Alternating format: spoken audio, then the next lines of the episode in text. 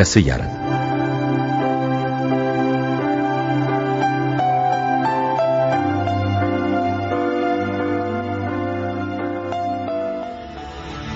Düşen Uçağın Sırrı 1. Bölüm Yapım ve Yönetim Mehmet Köseoğlu Yazan Alistair MacLean Radyoya uyarlayan Tayfun Türkili Seslendirme Yönetmeni Neslihan Gürgün Ses kayıt ve montaj Muhittin Sami Yaygıngöl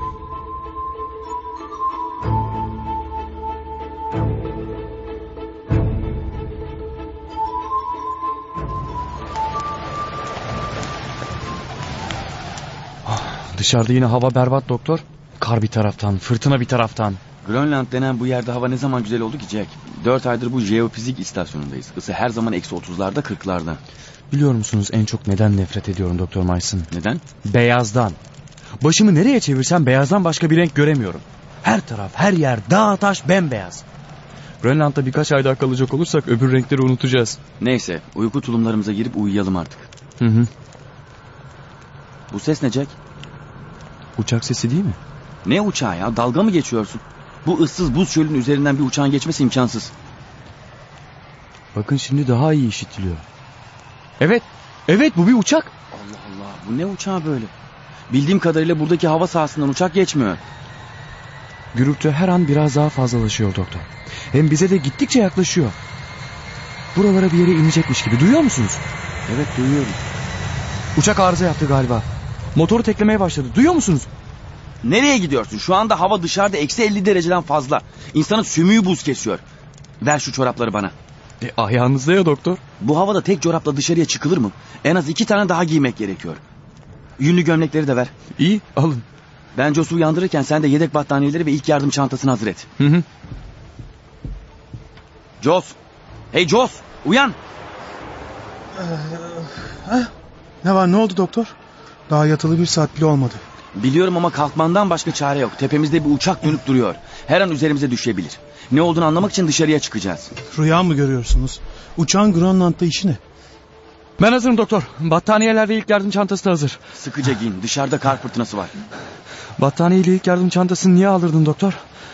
Bu uçak bu motorla fazla uçamaz da ondan. Düşecek olursa yardıma ihtiyacı olanlar olabilir. Ben de hazırım doktor. Sen bizimle gelmiyorsun Jos. Madem bana ihtiyacınız yok neden uyandırdınız beni? Sobayı yanık tutman için. Yatacağımız için söndürmüştük. Hadi Jack gidelim. vay vay vay vay. Hava uçuruyor. Jack termometre kaçı gösteriyor? Eksi kırkı gösteriyor. Uçağı görebiliyorum. Çok yakından uçuyor. Durmadan tepemizde daireler çiziyor. Neden tepemizde dönüp duruyor bu uçak anlamadım. Acaba göstergilerim bozuldu? Ne bileyim belki de ışıklarımızı görmüştür. 100 bin kilometre karelik bir çevre içerisinde bizimkinden başka bir tek ışık yok. İnmek zorunda kaldığı takdirde içindekiler için tek kurtulma ümidi bir meskenin yakınına düşmek. Bu havada buraya inecek olurlarsa Allah yardımcıları olsun. İnecek bir yer arıyor. Jack çabuk köpekleri kızlığa koş. Tamam doktor.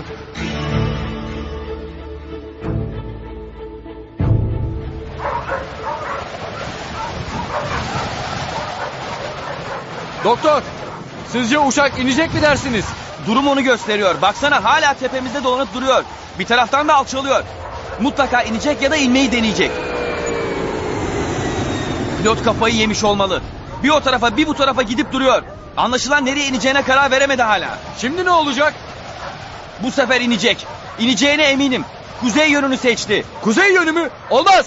İnmeyi düşündüğü arazi tümseklerle dolu. Hepsi ölür. Ben biliyorum ama pilotun bildiğini hiç sanmıyorum. Güneye rüzgar üstüne inse ne olurdu? Orada arazi bilardo masası gibi dümdüz. Rüzgar üstüne inemez. İndiği takdirde kulübemizi ve ışıklarımızı bulması imkansız. Rüzgar altına inmeye mecbur. İnşallah pilot tümsekleri vaktinde görür. Ne yazık ki göremeyecek. Bu havada 50 metreden ilerisini görmesi mümkün değil. Uçak bize doğru geliyor. Bu pilot delirmiş mi be? Doktor yere yatın. Yere yatın. Vay canına. Neredeyse başıma değecekti. Bu kadar alçaktan uçulur mu? Uçağın yere değmesine birkaç metre kalmıştı. Doktor bir yerinize bir şey olmadı ya. Eğilmeseydim herhalde başım kopmuştu. Bu ses de ne böyle? Sanırım uçak indi ya da düştü. Gel arayalım. Umarım yaşayan birilerini buluruz.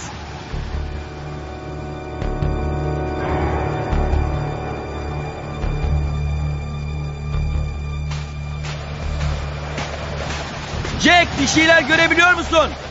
Tipinden hiçbir şey görülmüyor. Uçak buralarda bir yerde olmalı. Kar enkazın üzerini kaplamış olabilir. Gözlerimizi dört açalım. Doktor, soğuktan bütün vücudum işsizleşti. Uçaktakileri kurtaralım derken biz donarak ölmezsek iyi. Haklısın. Biraz daha arayalım. Eğer bulamazsak geri döneriz. Ama daha fazla gidecek olursak dönüş yolunu bulamayabiliriz. Karda açtığımız her iz anında kapanıyor doktor. Doktor! Gördüm! Uçağı gördüm! Nerede? İşte! Tam karşımızda bakın!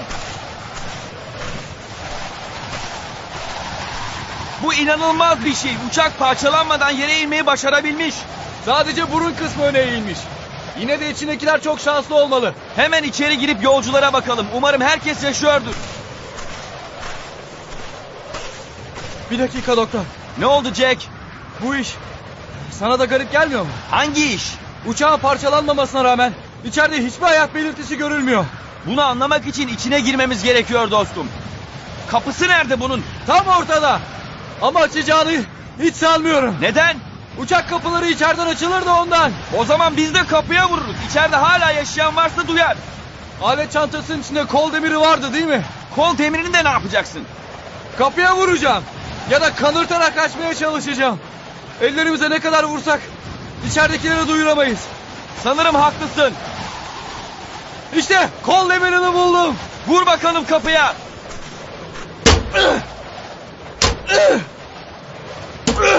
Açan yok. Herkes öldü mü yoksa? Bir daha vur Jack. Bir de kapıyı kanırtarak açmayı deneyeceğim. Hadi. Uçum. Ah! Ay aksi. Ne oldu? Kol demiri kırıldı. Ben girilecek bir yol buldum galiba Jack. Benimle gel. Doktor nereye gidiyoruz? Pilot kapısına. Bir de orayı deneyelim. Doktor şuraya bak. Pilot kapısının camı kırılmış. Şansımız varmış. Oradan içeri girip kapıyı açabiliriz. Dur dur ben gireyim. Senden daha inceyim. Bana bir omuz ver de yükseleyim. Pekala. Çık bakalım omuzuma. Tamam. Boyum yetti. Pencereden giriyorum. Gir. Girdim patron. Kapı sıkışmış açılmıyor. Sen de pencereden gireceksin. İyi de benim boyum yetecek mi pencereye? Elini uzat. Ben tutup çekeyim seni. Tamam. Tut bakalım. Tuttum. Hadi çek bakalım. Eğer içeride yaşayan varsa onları nasıl bu pencereden çıkartacağız bilmiyorum. Önce bir bakalım yaşayan var mı? Fenerini yak da burada kimse var mı yok mu bir görelim. Tamam olur. Doktor. Şuraya bak. Ne oldu Jack? Pilot. Pilot ölmüş. Ne? Ölmüş mü? Başını cama çarpmış olmalı. Allah kahretsin burada biri daha var. Bu da ölüye benziyor. Patron şuna bir bakar mısın? Sakin ol Jack. Haklısın pilot ölmüş. Şimdi de diğerine bakayım. Bu da ikinci pilot olmalı. Maalesef bu da ölmüş. Zavallı adamlar. Üzülmenin sırası değil. Öleni canlandıracak halimiz yok dostum. Gel sensiz kabinine bakalım. Belki o yaşıyordur. Telsizci burada. E, ama o da hiç hareket etmiyor. Sakin ol belki yaşıyordur. Evet yaşıyor. Sahi mi? Nefes alıyor ama kendinde değil. Yarısı başının arkasındaymış. Jack ilk yardım çantasından bir morfin ver. Olur doktor. Buyurun doktor. Bu adamın uzun süre baygın kalmasında yarar var. Başından çok kötü yaralanmış. Ayıldığı zaman ağrılar içinde kıvranacaktır. Tamam morfini yaptım. Gel şimdi mutfak kabinine geçelim. Hosteslerin durum nasıl ona bakalım.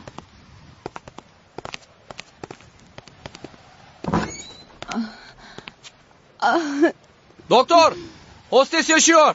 Evet ama onun da durumu iyi sayılmaz. Hostes hanım. Hostes hanım iyi misiniz?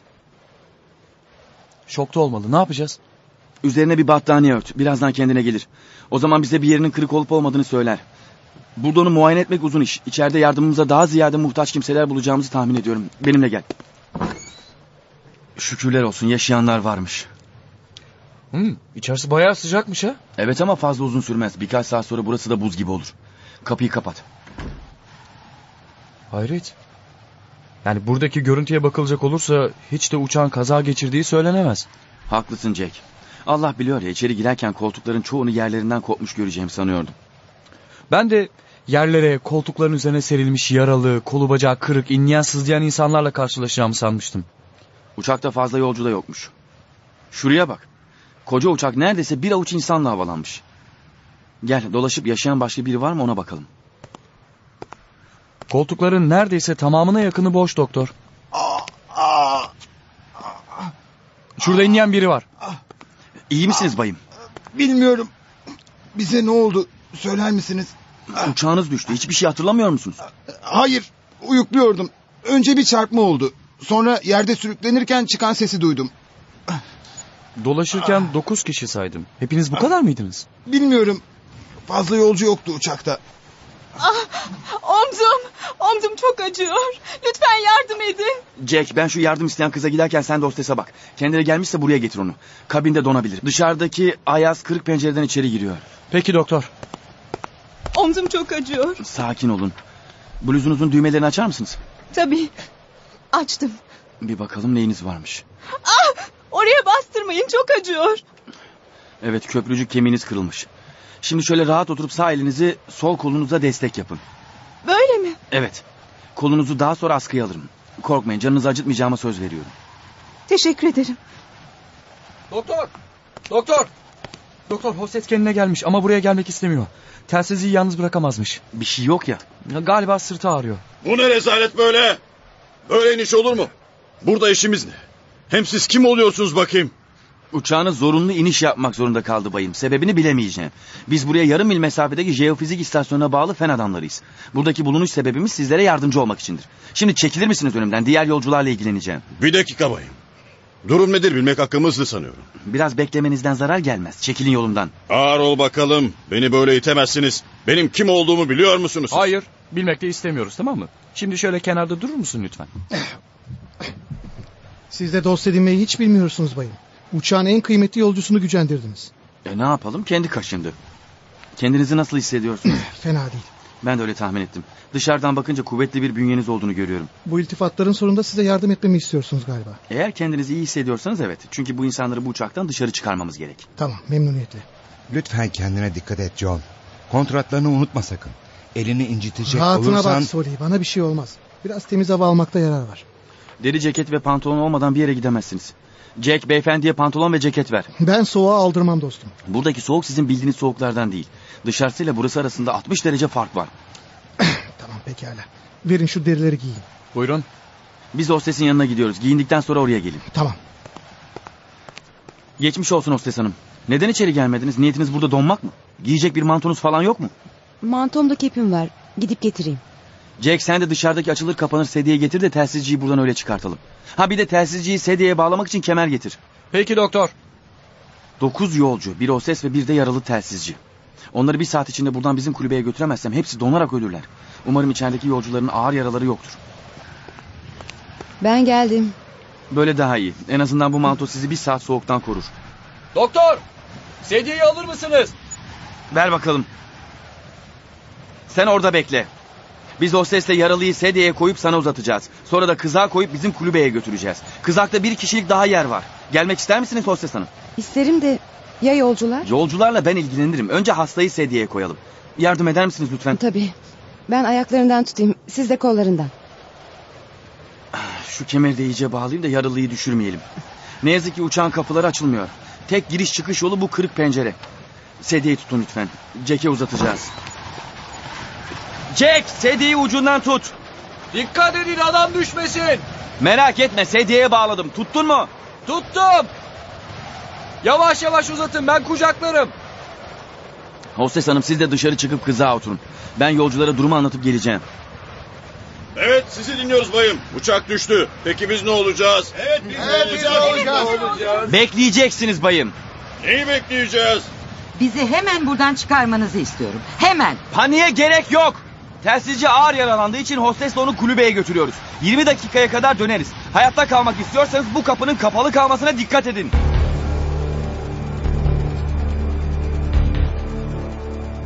Düşen Uçağın Sırrı adlı oyunun birinci bölümünü dinlediniz. İkinci bölümde buluşmak üzere, hoşçakalınız.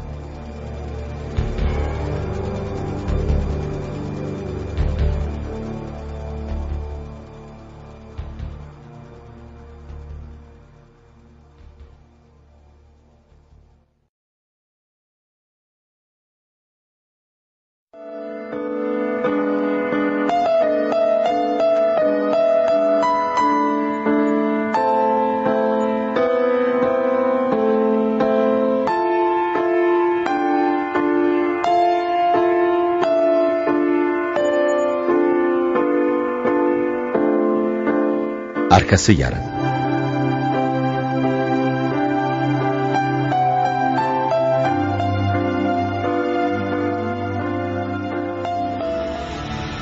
Düşen Uçağın Sırrı İkinci Bölüm. Yapım ve Yönetim Mehmet Köseoğlu. Yazan Alistair MacLean. Radyoya uyarlayan Tayfun Türkili Seslendirme Yönetmeni Neslihan Gürgün Ses Kayıt ve Montaj Muhittin Sami Yaygıngöl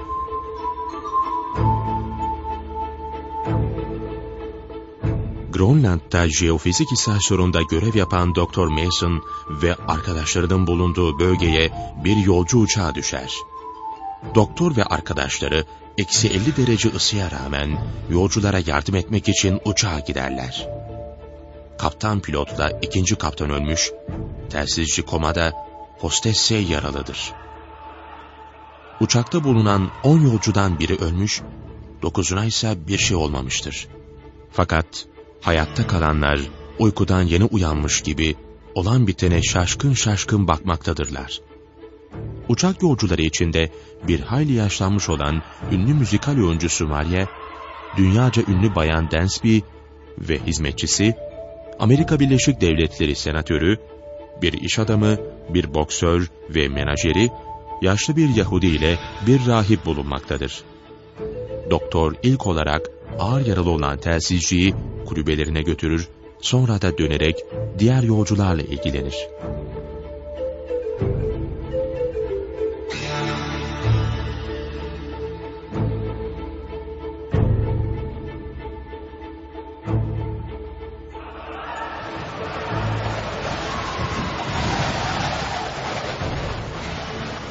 Telsizcinin durumu nasıl delikanlı?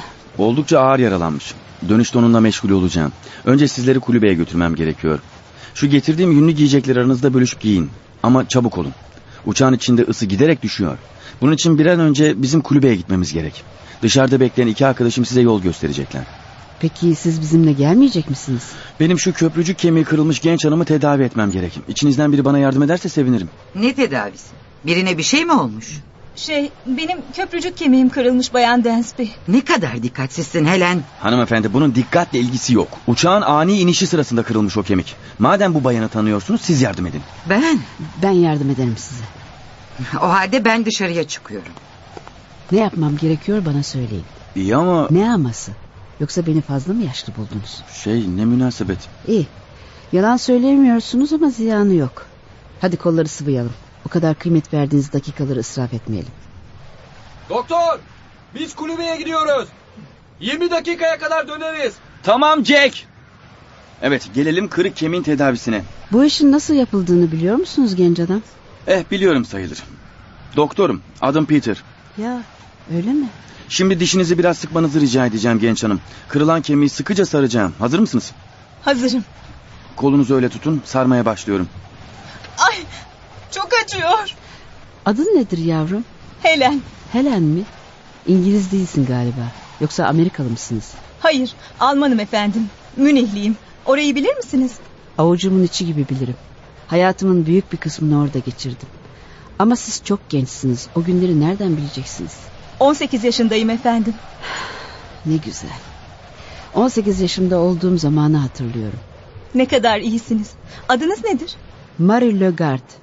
Ne? Marie Legard mı? Müzik dünyasının efsanevi ismi öyle değil mi? Bir zamanlar çok ünlüydüm. Ama şimdi çok yaşlandım. Unutulduğumu sanıyordum. Efsaneler asla unutulmaz Bayan Legard. Kaderde sizinle burada tanışmak varmış ha?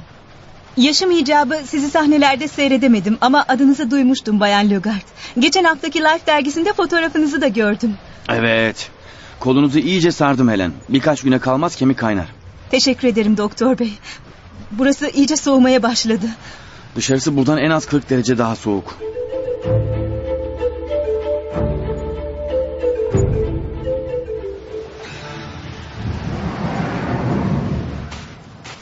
Buyurun hanımlar hemen içeriye girin. Bu soğukta nasıl donmadım bilmiyorum. Haklısınız. Dışarıda korkunç bir soğuk var. Ah burası bayağı sıcakmış. Tam zamanında geldin doktor. Sana kötü haberlerim var. Ne oldu Jos? Telsiz yere düşüp kırıldı. Ne? Nasıl düştü? Kim düşürdü? Bilmiyorum patron. Ben fazla battaniyeleri depoya koymaya gitmiştim. Döndüğümde telsizi yerde parçalanmış olarak buldum. İşte şimdi mahvolduk. Bu içinizdeki hangi sersemin marifeti? Bizi ne cesareti tahkir ediyorsunuz? Biz çoluk çocuk muyuz ki? Ağzından çıkanı kulağın duysun. Kabahat benim efendim. Telsizin parçalanmasına ben sebep oldum. Buna inanamam. Böyle bir yerde bir telsizin hayat memat meselesi olduğunu herkesten önce sizin gibi bir hostesin bilmesi gerekirdi. Maalesef gerçek bu. Hostes hanımdan başka hiç kimse telsiz cihazının yanına yaklaşamadı. Size ne oldu? Eliniz neden kanıyor? Önemli değil. Telsizin devrilmekte olduğunu görünce ileri atladım ama cihaz çok ağırdı. Elinizi biraz sonra sararım. Gelelim size hostes hanım. Cihazı nasıl yere düşürdüğünüzü anlatır mısınız? Çok müteessirim ama oldu işte. E, Şurada Jimmy'nin yanına çömelmiştim. Jimmy de kim? Jimmy Waterman. Uçağın telsizcisi. Peki bizim telsizi nasıl düşürdünüz masadan? Yerden kalkarken masaya sürtündüm. Telsiz de düştü. Düştü. 90 kiloluk telsizi bir kağıt parçasıymış gibi masanın üzerinden uçuruverdiniz demek. Ben düşürmedim. Masanın ayakları çöktü. Bu masanın çökecek ayakları yoktur. Masa tahtası altından menteşelerle duvara rapt edilmiştir. Bana bakın. Yardımımıza yetiştiğiniz için hepimiz size teşekkür borçluyuz bayım. Ama hostesimizi böyle hırpalamanıza müsaade edemeyiz. Zavallının ne halde olduğunu görmüyor musunuz? Telsiz tahrip oldu diye böyle küplere binmenize gerek yok. Size söz veriyorum. Bir haftaya kalmadan buraya yenisini yollayacağız. Çok cömertsiniz. Yalnız bir şey unutuyorsunuz. Bir hafta sonra büyük bir ihtimalle hepimiz ölmüş olacağız. Ne demek istediğinizi anlayamadım. Bu kadar küçümsediğiniz bu telsizin yokluğunda hayatta kalma şansınızın sıfır olduğunu söylemek istiyorum. Nedenmiş o? Bulunduğumuz yer hakkında bilmem bir fikriniz var mı? Siz gelmeden önce yolculara izah ediyordum. Kaptan Johnson'ın kar fırtınası yüzünden ineceğimiz hava alanını bulamadığını tahmin ediyorum. Burası Lan Göl değil mi? Belki de Holmes Göl'dür. Gander'in kuzeydoğusunda uçuyorduk. İzlanda'da o yönde sanırım. İzlanda mı dediniz hostes hanım? Evet. İzlanda ha? Hayır küçük hanım. Şu anda Grönland buz çölünün orta yerinde ve deniz seviyesinden takriben 3000 metre yüksektesiniz. Hayır. Bu doğru değil. Bizimle alay ediyorsunuz. Jos dostlarımıza nerede olduğumuzu tekrar etsene. 72-40 kuzey enlemi ve 40-10 doğu boylamanın üzerindeyiz. En yakın insan topluluğuyla aramızda 500 kilometre mesafe var.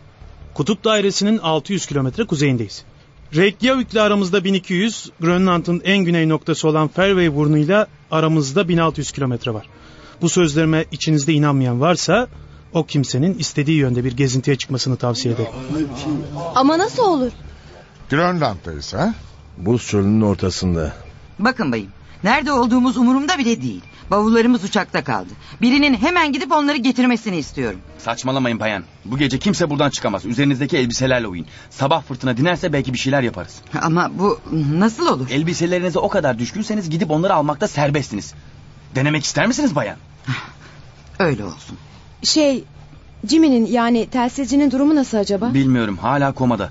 Sizin sırtınızı muayene edeyim ben. Niye sırtıma bakacakmışsınız? Uçakta ceket sırtınızın ağrıdığını söylemişsiniz. Hayır, bir şeyim yok. Siz bilirsiniz. Şimdi herkes beni dinlesin. Burada uzun zaman misafirimiz kalmaya mahkum olduğunuza göre birbirimizi tanıyalım. Önce kendimizden başlayayım. Solumda duran gencin adı Joss London. Burada telsizci olarak görev yapıyor. Telsiz çalışamayacak durumda olduğuna göre artık işsiz sayılırım. Sağımdaki arkadaşın adı Jack Nielsen'dır. Ona iyi bakın bayanlar baylar. Sağ kalıp günün birinde evlerinize dönebilirseniz bunu kendisine borçlu olacaksınız. Grönland buz çölünde hayatta kalmak için nelerin yapılması gerektiğini onun kadar iyi bilen başka kimse yoktur. Bana gelince adım Peter Mason, doktorum. Bu jeofizik istasyonunun müdürlüğünü yapıyorum. Bu buz yaylasında meteorolojik araştırmalar yaptığımızı tahmin etmişsinizdir. Ee, ben burada sekiz tane ranza görüyorum doktor. Siz üç kişi olduğunuza göre beş kişi daha mı var bu istasyonda? Vardı ama beş arkadaşımız kuzey yönünde bir tetkik gezisine çıktı. Üç hafta sonra döndükleri vakit eşyalarımızı toplayacak ve kış bastırıp sahil büsbütün donmadan burasını terk edeceğiz. Kış bastırmadan mı dediniz? Yani burada havanın daha da mı fazla soğuduğunu söylemek istiyorsunuz? Ne zannettiniz? Alfred Wegener adında bir kaşif 1930-32 kışını buraya 80 kilometre uzaklıktaki bir yerde geçirmişti. O ve arkadaşları termometrenin sıfırın altında 65 dereceye düştüğünü tespit etmişler. Kim bilir belki ondan da soğuk kışlar olmuştur. Evet artık bizleri tanıdınız. Şimdi sizlere gelelim. Bayan Marie Logard'ı tanıtmaya bilmem gerek var mı? Bayan Logard şu meşhur müzikal yıldızı olan mı? Evet eskiden tabii. Şimdi herkes sırayla kendisini tanıtsın lütfen. Adım Koratsi. İskoçya'ya gidiyordum. Tatilinizi geçirmeye mi gidiyordunuz Bay Korasi? Nerede bende o şans? İş icabı Bay Doktor. Bir traktör kampanyasının müdürlüğüne tayin edilmiştim. Harika Bay Korasi. Dışarıda arızalı bir traktörümüz var. Herhalde onun onarılmasına bize yardım edersiniz. Eh bir şeyler yapmaya çalışırız. Sanırım bir traktöre elinizi sürmeyeli yıllar olmuştur bayım. Maalesef haklısınız. Eğer gerekiyorsa bildiklerimizi hatırlamaya çalışırım. Evet bayım. Siz kim olduğunuzu söyleyin. Ee, bendeniz rahip Joseph Smallwood. Londra'da toplanacak Kiliseler Konseyi'nde Birleşik Amerika'nın Vermont eyaletini temsil edecektim. Pekala siz bayım. New Yorkluyum. Boks menajeriyim. Ben de boksör Johnny Zagor. Johnny Zagor istikbalin ağır siklet dünya şampiyonudur. Beyaz zırkın dünya şampiyonluğu için tek ümidinin o olduğunu söylüyorlar. Bu kadar abartma Soli. Doktorun adımı bile duymadığına bahse girelim. Evet doğrusunu isterseniz sizi boksöre benzetemedim Bay Zagor. Konuşmanız bir boksörden ziyade tahsil görmüş birine benziyor. Üniversitede okudum doktor. Boksa da orada başladım. Pekala. Siz kürklü bayan kendinizi tanıtır mısınız? Adım Dancy Gregg. Beni tanımıyor musunuz Doktor Mason? Hayır. Tanımamı gerektirecek kadar bir şöhretiniz mi var? Beni tanımamanız normal. Burada her şeye o kadar uzaksınız ki. Ben resmi sık sık gazetelerde çıkan sosyeteye mensup biriyim. Yanımdaki genç kız da hizmetçim Helen Fleming. Hizmetçiniz ha? Madem öyle ben onun omzunu sarmak için yardım istediğim vakit neden kalmaya teşebbüs etmediniz? Bayan Lugart benden önce gönüllü oldu. Niçin ben kalacakmışım? Öyle ya yardım edeyim derken belki elleriniz kirlenirdi. Kabalaşmayın lütfen. Evet. Kendini tanıtmayan iki kişi kaldı. Ee, adım David Theodor Mahler. Ee, İsrail'e gidecektim. Bu kadar mı? Evet. Pekala. Ya siz bayım? Ben Senatör Hoffman Brewster. Ee, size bir yardımım dokunabilirse memnun olurum Doktor Mason. Teşekkür ederim senatör. Sizi şimdi hatırladım. Komünist düşmanlığıyla tanınan birisiniz. Bir Avrupa gezisine mi çıkmıştınız? Onun gibi bir şey.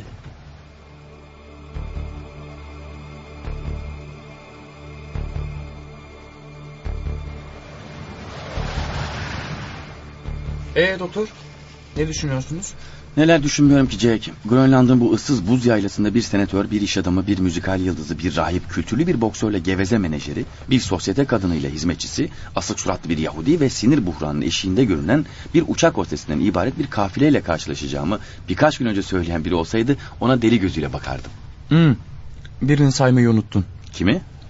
Ağır yaralı olan komadaki telsizciyi. Ha evet bir de o var. Hı hı. Hepsinin burada kalması söz konusu olmadığına göre onları nasıl sağ salim bir şehre götürebiliriz bilemiyorum. Bence bunu aklına bile getirme doktor. Dışarıda jilet keskinliğinde dondurucu bir soğuk var. Üzerlerinde kutup kıyafetleri olmayan ve kutupta seyahat etme tecrübesinden uzak bu insanlarla yola çıkmayı düşünmek bence çılgınlık. Haklısın Jack ama onları burada tutamayız. Burada ancak bize yetecek kadar yiyecek var. Onlar dokuz kişi. Üç de biz on iki. Hı hı. Elimizdeki yiyecek stoku bir haftadan fazla yetmez. Eğer onları şehre götüremezsek bir hafta sonra hepimiz ölürüz. Doğru. Bu aklıma hiç gelmemişti.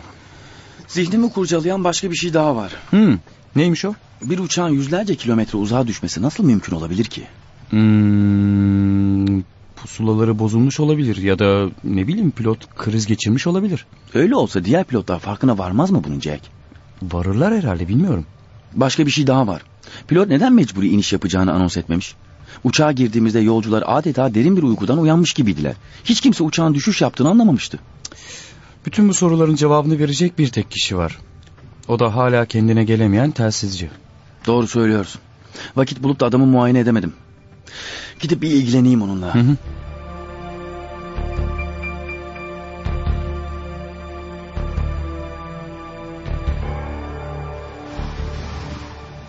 Telsizcinin durumu nasıl Doktor Manson? Bir şey söyleyemem. Beyin cerrahı değilim. Başındaki yara sandığımızdan daha derin olabilir. Yahut gecikmiş bir kanama baş gösterebilir. Bu adam bir hastanede olsaydı kurtulma şansı yüzde elli olurdu. Ama burada ne söylesem boş. Yani ölecek mi?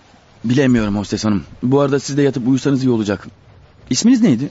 Margaret. Margaret Rose. Size bir şey sormak istiyorum Margaret. Uçakta neden o kadar az yolcu vardı? Yolcu sayısı fazla olduğu için dün Londra'dan ilave bir sefer konmuştu. Büromuz akşam kalkacak uçakta yer ayırtmış yolculara telefon ederek daha erken yola çıkmak isteyenler olup olmadığını sordu. Gördüğünüz gibi bu kadar kişi kabul etti. İyi ama Atlantik'i aşacak bir uçağa sadece bir tek hostes verilmesi sizce garip değil mi? Orası öyle. Genellikle 2-3 kişi oluruz. Ama bu defa yolcular 10 kişiden ibaret olduğu için bir hostesin yeteceğini düşündüler. Ama tek hostes olduğunuz halde gene de uyumaya vakit buldunuz. Başıma ilk defa böyle bir şey geliyor inanın. Uyumanızın bir zararı oldu mu dersin? Olmaz olur mu? Uyumasaydım olacakları anlayıp yolcuları inişe hazırlayabilirdim. Hiç değilse Albay Harrison'ı arkaya bakan ön koltuklardan birini alabilirdim. Bir dakika. Albay Harrison da kim? Yolculardan biri. İyi ama bizim buraya getirdiklerimizin içinde öyle biri yok ki. Önde ikinci koltukta oturuyordu. İnerken çarpmanın şiddetiyle başını vurarak ölmüş. Görmediniz mi onun cesedini? Hayır hiç dikkat etmedim. Ve şu anda onun cesedi öbür iki pilotla birlikte uçağın içinde öyle mi? Evet. Neyse. Siz de diğerleri gibi yatıp uyuyun. Çok kötü bir gün geçirdiniz. Size benim ranzamı vereyim. Ben bir köşeye kıvrılırım. Hayır. Ben telsizcinin yanında yerde yatmak isterim. Aynı şeyi ben düşünmüştüm. Lütfen rica edeceğim. Eğer Jimmy yani telsizci kendine gelirse ya da fenalaşırsa sizi uyandırırım. Pekala nasıl isterseniz. Baylar ve bayanlar hepinize iyi geceler. Ben dışarı çıkacağım. Niye Doktor Mayıs'ın? Gecenin bu saatinde dışarıda ne işiniz var? Hava raporunu hazırlamak zorundayız. Bu gece 3 saat geciktik bile. Bir gecelik çıkmasanız olmaz mı? Olmaz. Hava araştırmalarında en önemli faktör devamlılıktır. Jack sen de gel. Köpeklere bir kere daha baksan fena olmayacak.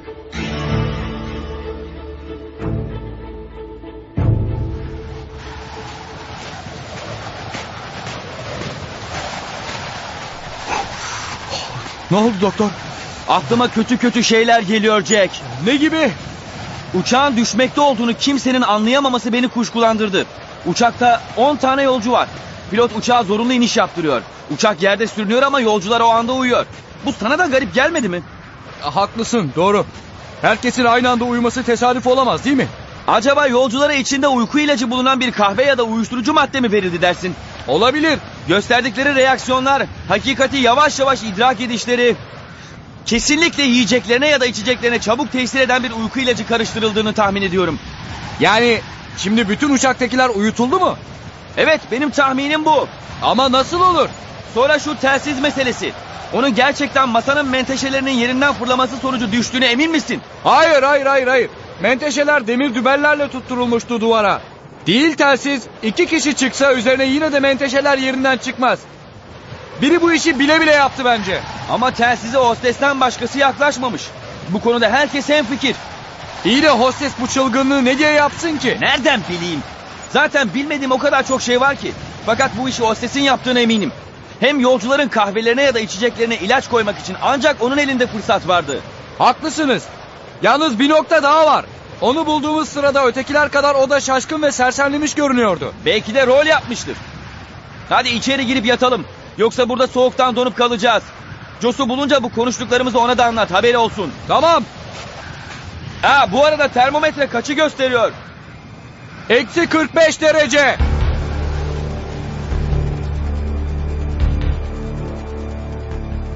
Düşen Uçağın Sırrı adlı oyunun ikinci bölümünü dinlediniz. Üçüncü bölümde buluşmak üzere, hoşçakalınız.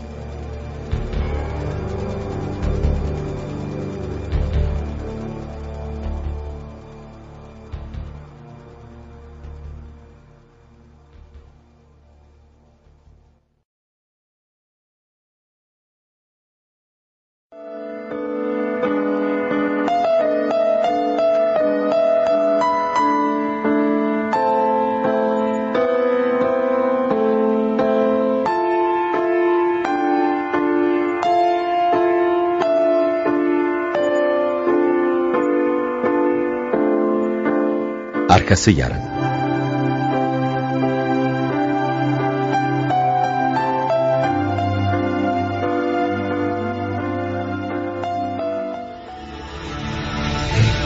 Düşen Uçağın Sırrı Üçüncü Bölüm Yapım ve yönetim Mehmet Köseoğlu. Yazan Alistair MacLean. Radyoya uyarlayan Tayfun Türkili. Seslendirme yönetmeni Neslihan Gürgün. Ses kayıt ve montaj Muhittin Sami Yaygıngöl. Grönland'da jeofizik istasyonunda görev yapan Dr. Mason ve arkadaşlarının bulunduğu bölgeye bir yolcu uçağı düşer. Doktor ve arkadaşları eksi 50 derece ısıya rağmen yolculara yardım etmek için uçağa giderler. Kaptan pilot da ikinci kaptan ölmüş, telsizci komada, hostesse yaralıdır. Uçakta bulunan 10 yolcudan sadece biri ölmüştür. Yolcular arasında oldukça yaşlı ünlü müzikal oyuncusu Maria, dünyaca ünlü bayan Dansby ve hizmetçisi, Amerika Birleşik Devletleri senatörü, bir iş adamı, bir boksör ve menajeri, yaşlı bir Yahudi ile bir rahip bulunmaktadır. Kazazedeler ilk geceyi kulübede geçirirler. Fakat kazazedeler kulübeye adım atar atmaz, Grönland'la dış dünya arasındaki irtibatı sağlayan telsizlere düşüp parçalanır. Ancak hostes yerden kalkarken başını masaya çarptığı için telsizi düşürdüğünü söyler.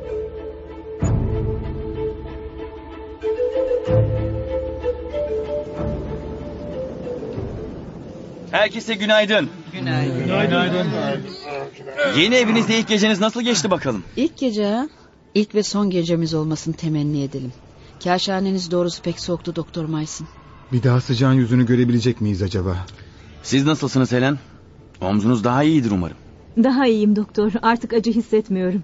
Acı duymaman hiçbir şey ifade etmez Helen. Ben de bir şey duymuyorum. Vücutlarımızın donup taş kesilmesinden hiçbirimizde his kalmadı. Ya siz geceyi nasıl geçirdiniz Bayan Dansby? Otelde değiliz. Şikayet neye yarar ki? Helen, bana bir fincan kahve getirir misin? Tabii efendim. Hayır yerinden kıpırdama Helen. Bayan Dansby, Helen'in köprücük kemiğinin kırık olduğunu unuttunuz galiba. Ah, sahi nasıl oldu da unuttum. Ben kendim alırım. Aman Allah'ım. Olamaz. Jimmy ölmüş. Çabuk buraya gelin. Ne oldu? Ne öldü mü? Evet. Az önce nefes alamadığını fark ettim. Ne olur bir de siz bakın doktor. Belki ölmemiştir. Ne yazık ki ölmüş. Hem de öleli saatler olmuş. Başındaki yaradan dolayı mı ölmüş? Sebep beyin kanaması olabilir. Bahtsız adam. Çok da gençti. İkinci pilot ölmüş. Joss, Jack'le beraber dışarı çıkıp bir çukur kazın. Telsizciyi oraya gömelim. Patron dışarıda hava sıcaklığı eksi 50 derece. Her taraf buz. Buzu kırmaya bakın. Ne kadar kazabilirseniz o kadar kazın. Sonra da rahibi çağırın. Toprağa verince duasını yapsın.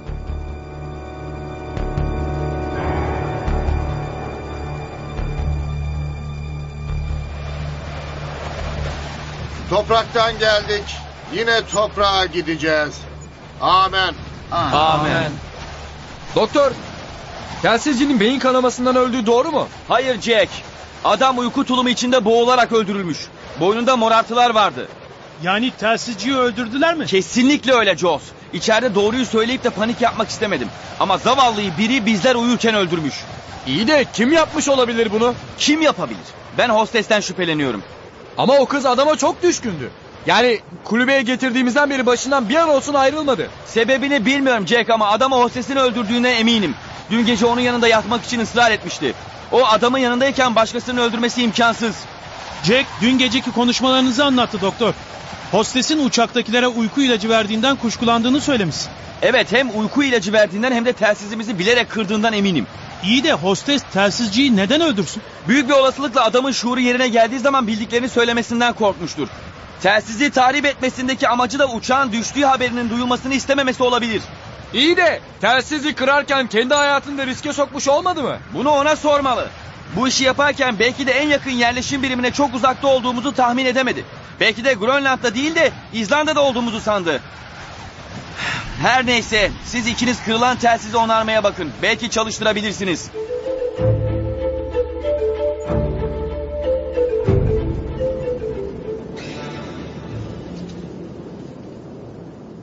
Açık konuşalım doktor. Yaptığımız hesaba göre mevcut erzak en fazla beş gün yeter bizlere. Doğru mu? Maalesef öyle. Şu an elimizde olan traktörle ne kadar zamanda sahile varabiliriz? O traktörün bizi sahile kadar götüreceğinden emin değilim. Eski döküntü bir şey olduğunu size söylemiştim. Ama şans bizden yana giderse aradaki mesafeyi bir haftada aşabiliriz.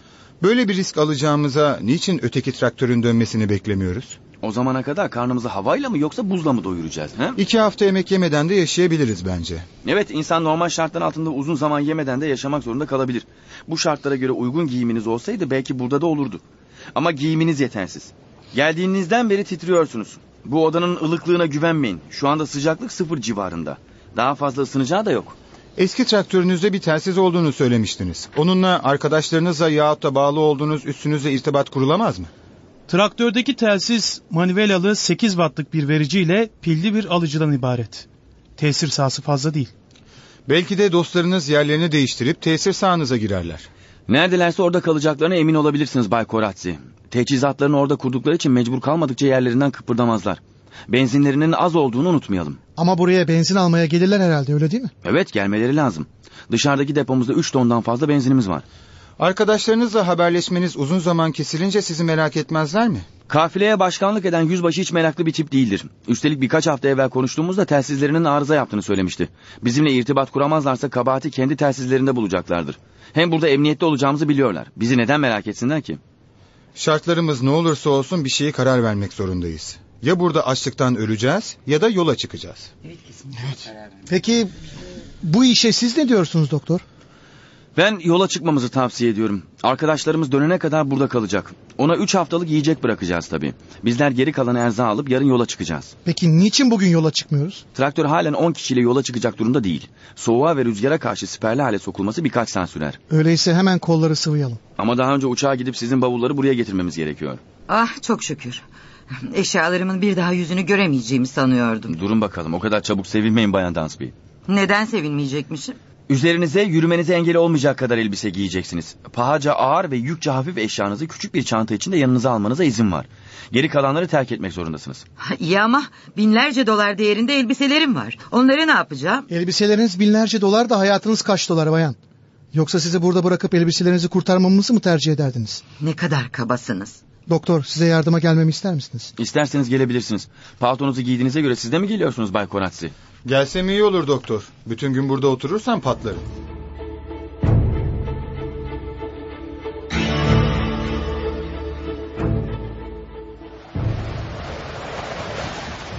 Bu zavallı pilotların cesedini burada mı bırakacağız doktor? Ne yapmamızı önerirsiniz? Bu sabah ikinci pilotu gömdük de. Üzerinde karlar ve buzlar birike birike bu uçak 6 aya kalmadan dünya yüzünden ebediyen silinecektir. Doktor doğru söylüyor Zagor. Bu uçak ölülere çelikten bir mezar olacak. Jack köpekleri kızağa koşup gelmiş. Bavullar hazırsa alıp gidelim artık. Hazır doktor. Ne varsa aldık. O halde kızağa taşıyalım. Burada bir ceset var. O da burada mı kalacak? Evet. Hadi gidelim.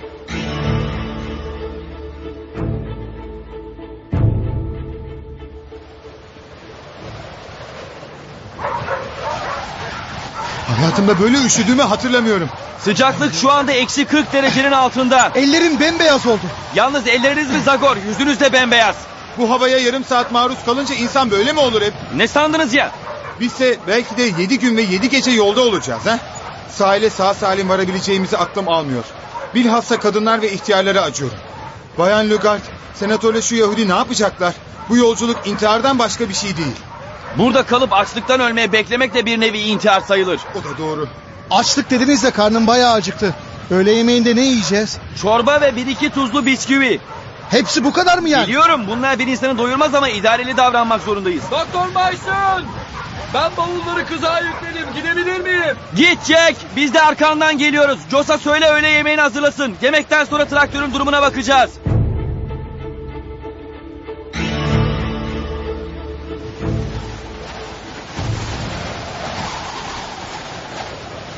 Bu traktörü müzeden mi çaldınız yoksa buz devrinden mi kalmış? Biraz eski bir makine olduğu doğru ama elimizden bir şey gelmiyor. İngiliz hükümeti bilim adamlarına Ruslar ve Amerikalılar kadar cömert davranmıyor. Traktörün böylesini hiç görmemiştim. Fransız malıdır. Donmuş buz üzerinde fena yol almaz. Nasıl bunu çalışır hale getirebilecek misiniz? Sanırım bir şeyler yapabileceğim. Sizde gerekli alet edevat var mıdır? Elbette var. Şimdi arkadaşlara söylerim size getirirler. Bu arada siz motoru çalışır hale getirirken onlar da traktörün arkasındaki kasanın siperliklerini takıp soba borusu için yer açsınlar. Ne? Bir de soba mı kuracaksınız kasanın içine? Bu soğukta bir hafta nasıl barınır insanlar içinde düşünsenize. Sobayı orta yere koyup borusunu da siperliklerin ortasından dışarı çıkaracağız. Doktor Mason. Bayan Logart, sizin burada işiniz ne? Bu soğukta kulübeden dışarı çıkmamalıydınız. Ne istiyorsunuz? Ee, biraz kulübeye kadar gelebilir misiniz? Ne oldu? Bir şey mi oldu? Ee, evet hostesi muayene etmenizi istiyorum. Ne istiyor? Ay, onun bir şey istediği yok ben ısrar ediyorum. Ona niye düşmansınız? Bu hal size hiç yakışmıyor doktor. Hostes çok iyi bir kız. Pekala öyle olsun. O iyi kızın ne istediğini söyler misiniz? Sırtı ağrıyor, müthiş ıstırap çekiyor. Ne olur gelip kendisine bir bakın. Dün akşam kendini muayene edecektim ama istemedi. Şimdi muayene edilmeyi istiyorsa niçin kendi çıkıp benden rica etmedi? Sizden korktuğunu anlamadınız mı? Son defa soruyorum. Onu muayene edecek misiniz, etmeyecek misiniz? Tamam tamam kızmayın geliyorum.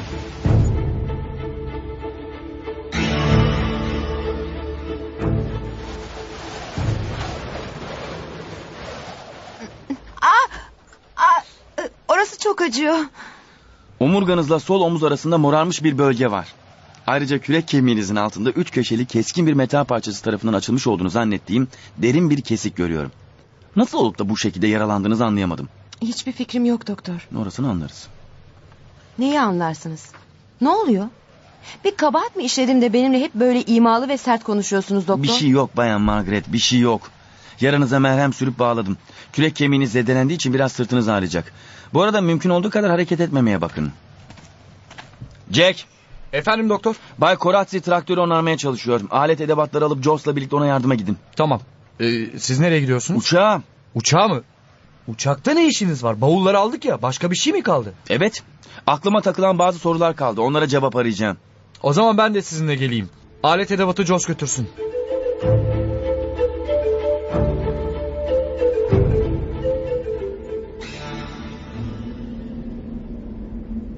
Doktor, öğrenmek istediğiniz ne? Hostesin mutfak kabininin içinde bulmuştuk.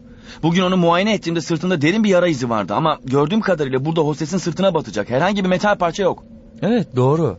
Gel bir de pilot kabinine bakalım. Bu uçaklarda telsizci de pilotlarla aynı kabinde çalışırlar. Evet işte pilot kabini burası. Ee, telsizciyi de burada bulmuştuk. Şu feneri bir gezdir bakayım. Evet işte gördüm onu. Neyi gördünüz doktor? Hostesin sırtına batan metal parçayı. Bak görüyor musun? Çivi gibi bir şey. Üzerinde hostesin lacivert ceketinin parçası hala duruyor. Evet görüyorum. Ama ben ben bir şey anlamadım. Hostes telsiz kabininde yaralanıyor ama kendini mutfakta buluyoruz. Bu ne anlama geliyor biliyor musun? Ee, hayır. Pekala. Sana durumu anlatmadan önce şu ölen pilotları da bir görelim. El fenerini dolaştır da kokpitin içine iyice bak bakalım. Tamam. Ee, gördüğünüz gibi burada ölü iki pilottan başka bir şey yok doktor. Biliyorum Jack. Buraya da onların ölüm sebebini anlamak için geldim. Herhalde uçağın yere çarpması sonucu ölmüş olmalılar. Şimdi anlayacağız. Şu feneri birinci pilotun üzerine tutsana. Tamam. İşte tahmin ettiğim gibi. Birinci pilotun omurgasının tam ortasında bir kurşun deliği var Jack. Ne? Kurşun deliği mi? Ya, Hakikat yani... ortada. Birinci pilot tabancayla sırtından vurularak öldürülmüş. Bak deliği görüyor musun? Evet. Şimdi de ikinci pilota bir bakalım. Büyük bir ihtimalle onun vücudunda da bir kurşun izi bulacağımıza adım gibi eminim. Feneri tutsana. Hı hı. Yanılmamışım. Katil ikinci pilotu ensesinden vurmuş. Görüyor musun? İyi de bunu kim yapabilir ki? Hostes. Margaret Ross. Hostes mi? Evet. Şimdi olan biteni anlatabilirim sana. Hostes elinde tabancayla pilotların kabinine giriyor ve onları ölümle tehdit ederek uçağı buraya indirtmesini istiyor. Tabii telsizcinin de başına tabanca dayayarak telsiz görüşmesi yapmasını engellediği gibi telsize de çalışamayacak derecede hasar veriyor. Sonra uçak tam yere inecekken önce birinci pilotu ardından da ikinci pilotu haklıyor. Sıra telsizciye geldiğinde uçak yere çarpıyor ve onu vuramadan ikisi de çarpmanın etkisiyle savruluyorlar. Bu savrulma sırasında hostes sırtından, telsizci ise başından ağır yaralanıyor. Cinayetleri kendinin işlediği öğrenilmesin diye kokpitten çıkıp mutfağa gidiyor ve orada bayılıyor. Şimdi meseleyi anladın mı? Hmm. Biz uçağa geldiğimizde telsizcinin yaşadığını öğrenince sonradan konuşur korkusuyla onu da uyku tulumunda boğarak öldürdü değil mi? Aynen öyle. Bu inanılmaz bir şey ya. Evet ama her şey ortada dostum. Gel şimdi de yolcu salonuna geçelim. Ee, orada ne var ki? Bir ölü. Ölü mü? Ne ölüsü? Evet adı Albay Harrison. Ee, siz nereden biliyorsunuz? Hostes söyledi. Uçağa ilk girdiğimizde adamın cesedini görmüştüm ama kim olduğunu bilmiyordum. Onun da cesedini muayene etmek istiyorum. Yoksa onun da mı öldürüldüğünden şüpheleniyorsunuz? Anlayacağız. İşte adamın cesedi burada. El fenerini adamın üzerine tut. Hı hı. Tahmin ettiğim gibi. Adamı tam göbeğinden vurmuşlar. Kurşunun girdiği yeri görüyor musun dostum? Evet. E, evet ama katil neden öbür yolcuları değil de sırf bu adamı öldürdü peki? Bilemiyorum. Üzerine arayalım bakalım. Bir şeyler bulabilecek miyiz? Ah bir tabanca çıktı. Otomatik küçük bir tabanca. İçinde kurşun var mı? Evet. Şarjöründe sekiz tane kurşun var. Bunu yanıma alsam iyi olacak. Bir de ceplerine bakalım. Pasaportu da var. Adı neymiş? Albay William Harrison. Hostes adamın adını doğru söylemiş. Bir dakika bir dakika. Pasaportun içindeki o şey gazete küpürü değil mi? Evet. İki ay önceki New York Herald Tribune gazetesinden kesilmiş. Peki haber ne doktor? Bir tren kazası haberi. Neyse buna daha sonra bakarım. Bu, bu da ne? Sen de duydun mu Jack? Evet ses mutfaktan geldi. Jack mutfakta biri var. Sence kim olabilir? Bilmiyorum. Eğer katilse dört kişiyi öldürdükten sonra bizleri de rahatça öldürebilir. Üstelik silahı da var. Doktor sende de silah var. Albaydan aldığın silah. Her ihtimale karşı eline alsan onu. Katile kurban olmak istemem. Haklısın Jack. Gel şimdi mutfağa gidip kim olduğunu görelim. Mutfakta kimse yok. Sesin buradan geldiğine eminim ama. Çabuk pilot kabinine. Oraya gitmiş olabilir. Aha. İşte pencereden atlamaya çalışıyor. Dur yoksa ateş ederim. Allah kahretsin atladı kaçıyor. Çabuk Jack yürü onu yakalamalıyız. Dışarıda kimse yok patron. Kaybolmuş. Fazla uzaklaşmış olamaz. Hemen peşinden gidelim. Kimseyi görebiliyor musun? Hayır. Evet gördüm. Koşarak uzaklaşan biri var görüyor musun doktor? Evet ama karanlıkta kadın mı erkek mi anlaşılmıyor. Peşine takılalım mı? Faydası olmaz. Bizden çok uzakta. Elimizden kaçırdık. Kimdi peki bu? Kim olacak? Kulübedekilerden biri. Büyük bir ihtimalle de hostesti. Hadi kulübeye gidip kim olduğunu anlamaya çalışalım Jack. Düşen Uçağın Sırrı adlı oyunun 3. bölümünü dinlediniz. 4. bölümde buluşmak üzere, hoşçakalınız.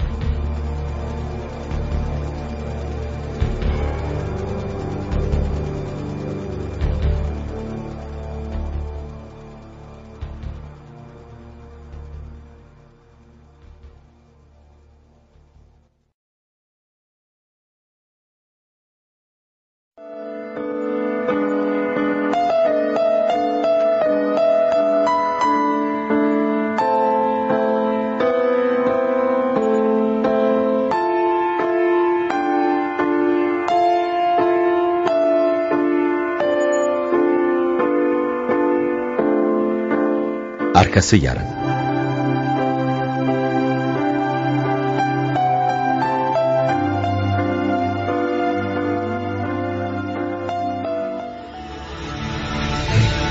Düşen Uçağın Sırrı 4. Bölüm Yapım ve Yönetim Mehmet Köseoğlu Yazan Alistair MacLean Radyoya uyarlayan Tayfun Türkili Seslendirme Yönetmeni Neslihan Gürgün Ses kayıt ve montaj Muhittin Sami Yaygıngöl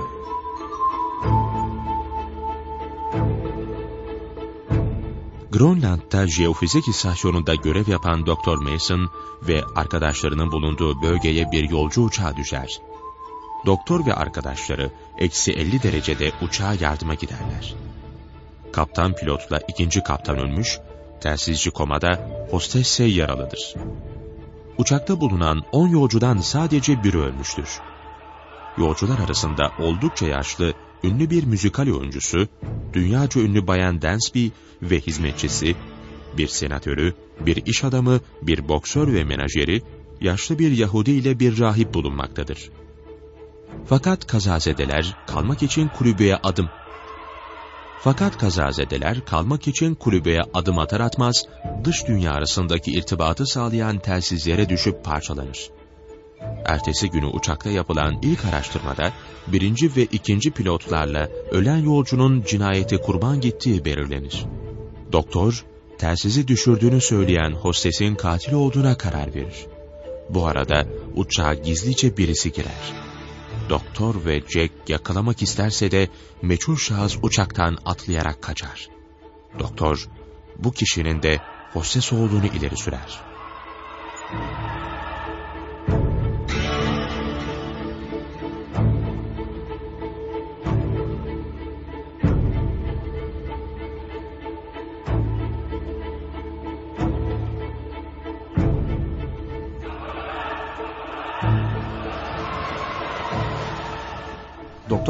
Herkes içeride. Evet, bir tek Margaret Rose üzerinde mantosuyla sobanın başında üşüyen ellerini ısıtıyor. Belli ki yeni girmiş eve. Ne dersin bu işe Jack? Yani uçaktaki meçhul kişinin o olduğunu mu söylüyorsunuz? Evet. Şimdi anlarız. Çok mu üşüdünüz Bayan Margaret? Ah, evet çok üşüdüm. Üşümesi tabii değil mi? 20 dakikadır traktördekilerin yanındaydı. Traktörün yanında işiniz neydi? Çalışanlara kahve götürmüştüm. Yoksa bu da mı kabahat? Hayır, öyle bir şey söylemedim. Geldiniz mi doktor? Şimdi geldik. Bir şey mi oldu Joss? Buraya koridora gelir misiniz? Tabii. Ne oldu Joss? Burada garip şeyler oluyor Doktor Mason. Neler oluyor? Birkaç dakika evvel buraya kırılan telsiz için yedek parça aramaya gelmiştim. Yedek parçaların patlayıcı maddelerin yanında durduğunu biliyorsunuz. Biri patlayıcı maddeleri karıştırmış. Bir bu eksikti. Sen patlayıcı maddelerin miktarını biliyorsun. Bir şey almışlar mı? Hayır, garibime giden de o ya. Kontrol ettim. Eksik olan bir şey yok. Ama patlayıcı maddeler, fitiller ve kapsüller hep birbirine karışmış. Bugün öğleden sonra deponun ve tuvaletin bulunduğu bu koridora kimler girdi? Kim girmedi ki? Hemen hepsi girdi çıktı. Erkekler traktöre parça aramak, kadınlarsa yiyecek getirmek üzere devamlı koridora girdiler. Siz ne yaptınız patron? Jack uçağa gideceğinizi söylemişti. Gittik Joss. Yaptığımız araştırma sonunda uçağın kendi kendine buraya iniş yapmadığını öğrendik. Nasıl yani? Pilot bilerek mi bu buz diyarına inmiş? Hayır. Biri tahminimce hostes kız silah tehdidiyle uçağı buraya inmeye zorlamış. Daha sonra da iki pilotu vurarak öldürmüş. Bizim buraya getirdiğimiz yaralı telsizciyi de o boğarak öldürmüş. Neler söylüyorsunuz patron? Bitmedi Jones. Uçakta da bir yolcuyu vurmuş. Vay soğukkanlı şeytan vay. Ne yapıp edip onu kapana kıstırmalıyız. Yoksa kim bilir daha kaç kişi öldürür bu kadın. Ama bir suç delili bulmamız yahut da ona suçunu itiraf ettirmemiz gerekli öyle değil mi? Merak etme onu bir bahaneyle uçağa götürüp suçunu itiraf ettireceğim Jones.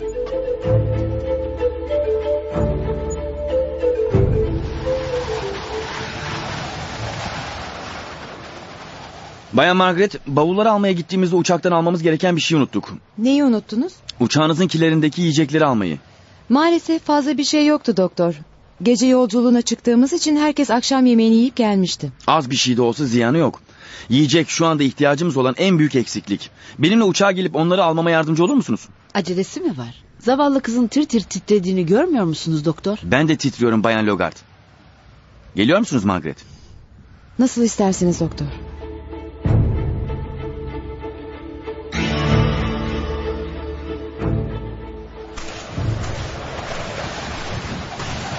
İşte uçağa geldik. Geldik de içeri nasıl gireceğiz? Benim boyum pilot kabininin kapısına ulaşamayacak kadar kısa. Biliyorum ama zıplarsanız pencerenin kenarını tutabilirsiniz. Nasıl zıplayacağım ki? Bundan evvel nasıl zıplayıp girdiyseniz öyle. Ne duruyorsunuz? Hadi zıplayın da uçağın camından içeri girin. Ne demek istediğinizi anlayamadım doktor. Size zıplayın dedim. Nasıl isterseniz ama oraya ulaşabileceğimi hiç sanmıyorum. İmkanı yok. Pencereye ulaşamıyorum bile. Bir daha deneyin. Hayır yapamayacağım. Benden ne istiyorsunuz doktor? Bir kabahat mi işledim de böyle davranıyorsunuz? Ben kulübeye geri dönüyorum. Hayır. Hiçbir yere gidemezsiniz. Sakın gözümün önünden ayrılmayın. Ben pencereden içeri gireceğim sonra sizi elinizden tutup içeri çekeceğim. Oldu işte. Elinizi verin bana.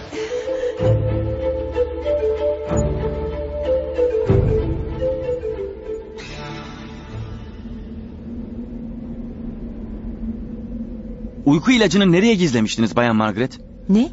Uyku ilacı mı? Sakın bana neden söz ettiğimi anlamıyorum demeyin. Uçak düştüğü sırada burada mutfakta oturuyordunuz öyle değil mi? Evet öyle. Sonra çarpmanın tesiriyle yere savruldunuz. Sırtınızı yaralayan o metal çıkıntısını bana gösterebilir misiniz? Beni bunun için mi buraya getirdiniz? O metal çıkıntısı nerede? Bilmiyorum. Hem bunun ne önemi var? Bir de uyku ilacından bahsettiniz. Maksadınız ne açıklar mısınız lütfen? Gelin benimle. Lütfen kolumu bırakır mısınız? Benimle gelin dedim. Nereye? Pilot kabinine. Telsizcinin bulunduğu bölmeye. İşte telsiz dolabının üzerine bakın. Kocaman çiviye benzer sivri bir metal var. Üzerindeki kanı gördünüz mü Bayan Margaret? Yanında sizin giydiğiniz lacivert ceketin yün lifi de var. Kan sırtınızın kesilen yerinden aktı. Liflerse ceketinizden koptu. Uçak inişe geçtiği zaman burada duruyordunuz. Çarpma size dengenizi kaybettirdi ama tabancayı elinizden düşürmediniz değil mi? Ne? Tabanca mı? Neler söylüyorsunuz doktor? Şaşırdınız değil mi Bayan Margaret? Uçağın yere çarpmasıyla birlikte iki pilotu öldürdünüz. Pilotlar öldürülmüş mü? Sonra sıra telsizciye gelmişti. Onu da vuracaktınız ama zavallı adam yere düşüp başını vurduktan sonra onu öldü sandınız. Ama yaşadığını öğrenince onu da bizim kulübede boğarak öldürdünüz. Siz, siz neler söylüyorsunuz doktor? Ne tabancası ne boğması?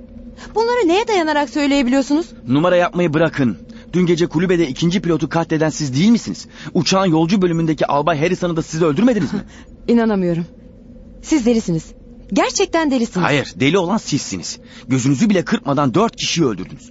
Bir saat önce Jack'le birlikte buraya tahkikat yapmaya geldiğimiz zaman bizi takip edip uçağa giren de siz değil miydiniz? Sizi yakalamak isterken pencereden atlayıp kaçmayı başardınız. Yeter. Susun artık. Şu ana kadar mesleğinize olan saygımdan dolayı size saygısızlık yapmak istemedim. Ama söyledikleriniz yenilir yutulur şeyler değil. Söyler misiniz sırtımda koca bir yara varken, ağrılar içinde kıvranırken nasıl olur da uçağın pilot kapısının penceresine zıplayabilirim? Zıpladıktan sonra da aşağıya atlayabilirim. Atladıktan sonra da koşarak kulübeye gidebilirim. Şey... E, evet ben bunu akıl edememişim. Doğru ya sırtınızdaki yara aklıma gelmemişti. Bağışlayın.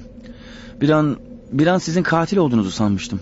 Demek benim katil olduğumu sanıp bu yüzden bana kötü davranıyordunuz. Telsizcinin ölümünden bu yana sizi katil sanıyordum. Ama ben onun başındaki darbe yüzünden öldüğünü sanıyordum. Hayır biri onu boynunu sıkarak öldürmüş.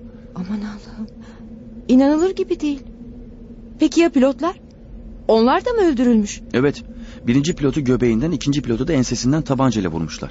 Aa unutmadan uçağın kuyruk bölümünde yolculuk eden Albay Harrison da öyle. O da tabancayla öldürülmüş. İnanamıyorum. Korku filmlerindeki gibi. İyi ama bu cani kim doktor? Kim? Sakin olun Margaret. Biraz öncesine kadar bu katilin siz olduğuna emindim. Ama artık buna inanmıyorum. İnanılacak şey değil. Kaptan Johnson neden öldürülsün ki? Dünya yüzünde bir tek düşmanı yoktu.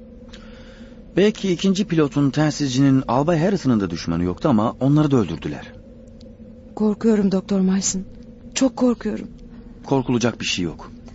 Anlayamadığım bir şey var. Uçak düştükten sonra siz geldiğinizde beni mutfakta buldunuz. Ama sırtımdaki yaranın telsiz odasında olduğunu söylüyorsunuz. Beni kim, neden telsiz odasına götürdü dersiniz? Nedeni ortada. Birinin tabancasının namlusunu sizin üzerinize çevirip dediklerini yapmadığı takdirde telsizci Jimmy sizi öldürmekle tehdit edebilmesi için. Başka ne sebep olabilir ki? Olabilir. Öteki acaba kimdi? Öteki mi? Ne demek istiyorsunuz? Anlayamadınız mı? Biri telsizciyi silah tehdidiyle dediğini yaptırdığı takdirde bir başkasının da pilotları tabancayla yola getirmiş olması gerekmez mi? Bir kişinin iki yerde birden olmayacağı aşikar. Kaptan da tıpkı telsizci gibi kendisine emredileni yapıyordu herhalde. Öyle ya. Bunu nasıl oldu da akıl edemedim. Bütün mürettebatı kontrol altında bulundurmak için katillerin en az iki kişi olması gerekir. Sizin sizin katil olduğunuza o kadar inanmıştım ki bazı gerçekleri bile göz ardı etmiştim. Neymiş o gerçekler? Albayla kaptan pilot ayrı ayrı tabancalardan çıkan kurşunlarla öldürülmüşler. Bir tanesi ağır bir silahla, diğeri ise daha az etkili. Mesela bir kadın tarafından taşınabilecek hafif bir tabancayla. Evet bir kadının taşıyabileceği hafiflikteki bir tabancayı neden bir kadın ateşlemiş olmasın ki? Neden bana öyle bakıyorsunuz doktor? Eğer hala benden kuşkulanıyorsanız bunu ispatlayabilirim. Nasıl? Parmağımdaki alyansla. İşte buyurun içine okuyun. Jimmy Waterman, Margaret Rose, 28 Eylül 1958. Jimmy ile iki ay önce nişanlanmıştık. Bu benim hostes olarak son uçuşumdu. Pek yakında evlenecektik. Şimdi bana inanıyor musunuz? İnsan evleneceği birisini nasıl öldürür doktor? Özür dilerim. Nişanlı olduğunuzu bilmiyordum. Acınıza ortak olmak yerine bir de sizden kuşkulandığım için bağışlayın beni. İnsanın sevdiği birini kaybetmesinin ne demek olduğunu çok iyi bilirim. Sizin de mi başınıza geldi? Evet, dört yıl önce üç aylık karımı bir araba kazasında kaybedince doktorluktan vazgeçerek kendimi çocukluğumdan beri merak ettiğim jeolojiye vermiş ve fen fakültesini bitirir bitirmez de bu ücra diyara gelmiştim. Bu buz diyarı size eşinizin acısını unutturabildi mi bari? İnsan zamanla her şeyi unutuyor Margaret. Tıpkı ateşin küllenmesi gibi sevgiler de külleniyor. Çünkü bütün acılara, kederlere rağmen hayat devam ediyor. Nasıl devam ediyorsa artık. Şu halimize bakın. Uçağımız düşürülmüş, pilotlarımız öldürülmüş ve katillerle birlikte aynı odada yaşıyoruz. Haklısınız. İşin en korkunç yanı da bu ya. Peki şimdi ne yapıyoruz? Hiç. Kulübeye döneceğiz. Onu sormadım. Katillerle ilgili ne yapacağımızı sordum. Şu anda ne yapabileceğimizi bilmiyorum. Aklıma belki onlarca sual geliyor ama içlerinden bir tanesini dahi cevaplandırabilmekten acizim. Sivil bu uçağın silah tehdidiyle elverişsiz bir araziye inişe zorlanması delilikten başka bir şey değil. Katiller de dahil hepimiz ölebilirdik. Böyle bir riski göze aldıklarına göre çok önemli sebepleri olması gerek. Benim kafam albaya takıldı. Onu neden öldürdüler dersiniz? Belki de uyku ilacı ona tesir etmemiştir. Ya da görmemesi gereken şeyleri gördü. Şimdi biz de bilmememiz gereken şeyleri biliyoruz. Evet. Ve bu da beni çok ürkütüyor. Ya cinayetleri sürdürmeye devam ederlerse? Yapmayın. Beni büsbütün korkutmayın Doktor Mayıs'ın. Burada işimiz bittiyse gidelim artık. Kendimi burada mezardaymışım gibi sanıyorum. Haklısınız gidelim. Durun. Bu ses de neydi? Bir şey mi oldu? Dışarıda bir ses duyar gibi oldum. Birisi sanki uçağın gövdesine bir şey yapıyordu. Saçmalamayın. Korkudan neredeyse hayal görmeye başlayacaksınız. Bakın. Duydunuz mu sesi? Evet duydum. Biri uçağın kanadına vuruyor sanki. Katil. Katiller buraya gelmiş. Bizi öldürecekler. Bir şeyler yapın Doktor Marsın. Tamam tamam sakin ol Margaret. Beni burada bekle. Nereye gidiyorsunuz? Dışarıya. Delirdiniz mi? Onların silahı var. Sizi öldürebilirler. Merak etmeyin benim de silahım var. Bakın O silahı nereden buldunuz? albayın cebinden. Şimdi gelirim. Duyduğumuz o ses hayal değildi. Az önce burada biri ya da birileri uçağın gövdesine bir şey yapıyordu. Ama şimdi kimse yok. Acaba kendini duyduğumuzu anladı da kaçtı mı? Bayan Margaret! Ne oldu doktor? Kimseyi görebildiniz mi? Hayır korkmayın kimse yok. Gelin hadi atlayın sizi tutarım.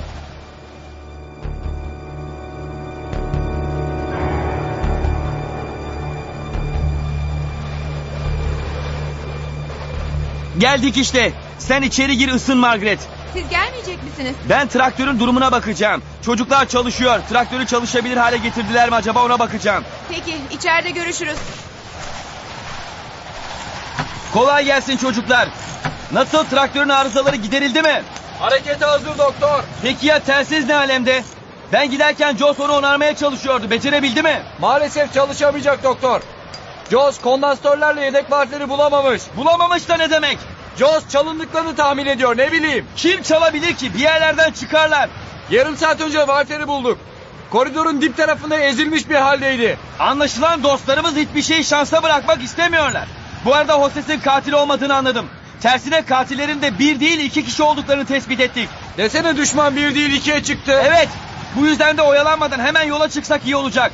Uplaving'deki üstümüze mi gidiyoruz? Evet buraya en yakın yer orası. Tehlike çok büyük. Oraya sağ salim varır mıyız dersiniz? Ne o seni bugüne kadar hiç böyle kötümser görmemiştim Jack. Yoksa seni korkutan traktörümüzün eski olması mı? Hayır. Ne traktörün eskiliği ne de hava şartlarının kötülüğü beni korkutmuyor. Biliyorsun bundan daha kötü şartlarda da gittik oraya. Benim kastettiğim yolcular arasında bulunan katiller. Asıl tehlike bize yol arkadaşlığı yapacak kimseler. Haklısın dostum bu beni de çok korkutuyor. Bu yolculukta bize dokuz kişi eşlik edecek ve bunlardan ikisi katil. Hem de dört kişinin katili. Bu alçakların oraya varmadan önce hepimizi öldürmeye yelteneceklerine adım gibi eminim. Neden? Çünkü oraya varırsak durumu anlatacağımızı ve polisin bütün yolcuları gözaltına alıp konuşturacağını biliyor. Mutlaka bizi öldürerek suçlarını gizlemeye çalışacaklardır. Ben senin kadar kötümser değilim. Katillerin beni ve seni öldürecek kadar aptal olduğunu sanmıyorum. Neden? Bizi öldürdüğü takdirde bu buz çölünden nereye gidebilirler ki? Havanın hiç aydınlanmadığı bu diyarda bırak yönlerini bulmayı önlerini bile göremezler. Ayrıca kıza koştuğun köpekleri de unutma. Onlar senden emir almadıkça adım bile atmazlar. Bu yüzden hayatlarımızın o kadar ucuz olmadığını düşünüyorum. İyi de bakalım gözü dönmüş katiller aynı şeyi düşünüyor mu? Bilmiyorum ama işi garantiye almak için bu hususu kendilerine açıklasak iyi olacak. O zaman kendimizi daha güvende hissederiz. Keşke katillerin kim olduğunu yola çıkmadan önce öğrenebilseydik. Ellerini ayaklarını bağlar oraya öyle giderdik. Bunu öğrenmeyi ben de çok istiyorum Jack ama kolay değil. Uçaktan 10 kişi kurtardık. 6'sı erkek 4'ü kadın. Katiller hangisi? Mesela şu boksör Zagor. Sence katillerden biri olabilir mi? Çok güçlü biri. İsterse yumruklarıyla birini rahatça öldürebilir. Ama bir tabancayla yolculuk yaptığı uçağın pilotlarını öldürecek, telsizlerini bozacak kadar aptal olduğunu sanmıyorum. Haklısın. Bence de Zagor akıllı bir adam. İyi ama hangisi? Zagor'un çelimsiz menajeri Soli mi? Uysal ve sinirli tavırlı rahip mi? Yoksa bir traktör fabrikasının temsilciliğini yapan Amerikalı iş adamı Nick mi? Ya da kendisi hakkında bizlere hiçbir bilgi vermeyen, ne iş yaptığı belli olmayan yaşlı Yahudi mi? Aa, aa, aa, senatörü unutma. Çok aksi ve sert bir adam. Karanlık kişilerle işbirliği yapmış ya da ne bileyim onların maşası olmuş olabilir. Bunu örtbas etmek için de uçağı mecburi inişe zorlayabilir. Herkes katil olabilir Jack, herkes. Hatta kadınlar bile. Kadınlar bile Evet. mi? Dört kadın var. İkisi hariç diğer ikisi neden olmasın? İkisi hariç dediğin kimler peki? Biri müzikal yıldızı Marie. Çünkü yaşlı. Öteki de baştan beri katil olduğundan şüphe ettiğim ama şimdi temize çıkan hostes. Yani geriye şu züppe sosyetik dans bile onun hizmetçisi Helen kalıyor. Onlardan biri katil olabilir mi? Neden olmasın? Of içinde bulunduğumuz durum polisiye filmlerine benzemeye başladı patron. Çık işin içinden çıkabilirsen. Evet. Biri bütün bunların Grönland'da başımıza geleceğini söylese güler geçerdim. E peki ne yapmayı düşünüyorsun? Yapılacak iki şey var. Birincisi herkesin üstünü başını ve bavullarını arayarak tabancaları bulmak. Bu sence tehlikeli olmaz mı? Yani katiller silahlarının bulunacağını anlayınca bize ateş edebilirler. Buna zaman bulacaklarını hiç sanmıyorum. Çünkü arama sırasında sen elinde tüfeğiyle yanımda bulunacaksın. Ha bak o zaman olur işte. Olur değil mi? Evet. İkincisi de herkese biz olmadan bu yolculuğu yapamayacaklarını kafalarına sokmak. Hadi sen tüfeğini al ve birlikte içeri girelim. Tamam. Umarım planın bir işe yarar da bu gözü dönmüş katilleri yakalarız.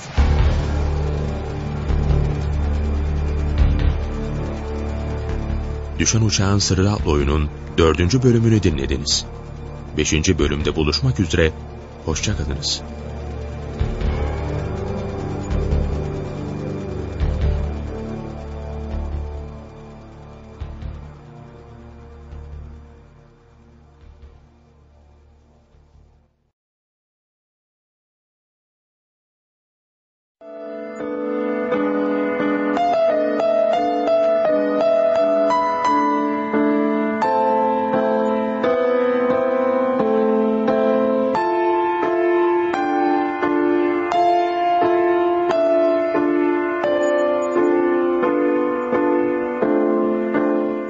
Arkası yarın.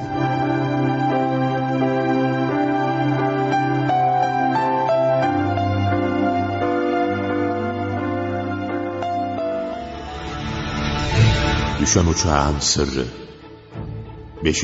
Bölüm Yapım ve Yönetim Mehmet Köseoğlu Yazan Alistair MacLeod Radyoya uyarlayan Tayfun Türkili Seslendirme Yönetmeni Neslihan Gürgün Ses Kayıt ve Montaj Muhittin Sami Yaygıngöl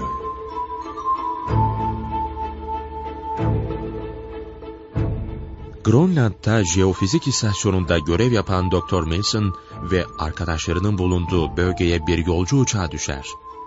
Kaptan pilotla ikinci kaptan ölmüş, telsizci komada hostesse yaralıdır. Uçakta bulunan 10 yolcudan sadece biri ölmüştür. Yolcular arasında oldukça yaşlı ünlü bir müzikal oyuncusu, dünyaca ünlü Bayan Dansby ve hizmetçisi, bir senatör, bir iş adamı, bir boksör ve menajeri, yaşlı bir Yahudi ile bir rahip bulunmaktadır.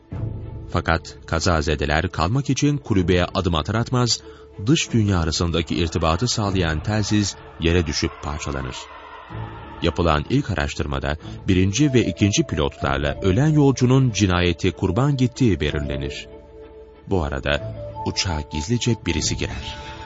Doktor ve Jack yakalamak isterse de o meçhul şahıs uçaktan atlayarak kaçar. Doktor bu kişinin de hostes olduğunu ileri sürer. Kulübedeki telsizin de hostes tarafından kırılmasıyla katilin de o olabileceğine karar veren doktor, daha sonra genç kızla konuşunca bu kararından vazgeçer. katillerin iki kişi olduğuna karar verirler. Ama kimin olduğunu öğrenemezler. Bunun üzerine doktor bütün ekibi alarak traktör ve kızakla beş günlük yoldaki üsse götürmeye karar verir. Ancak yola çıkmadan önce de katillerin kim olduğunu öğrenmek ister.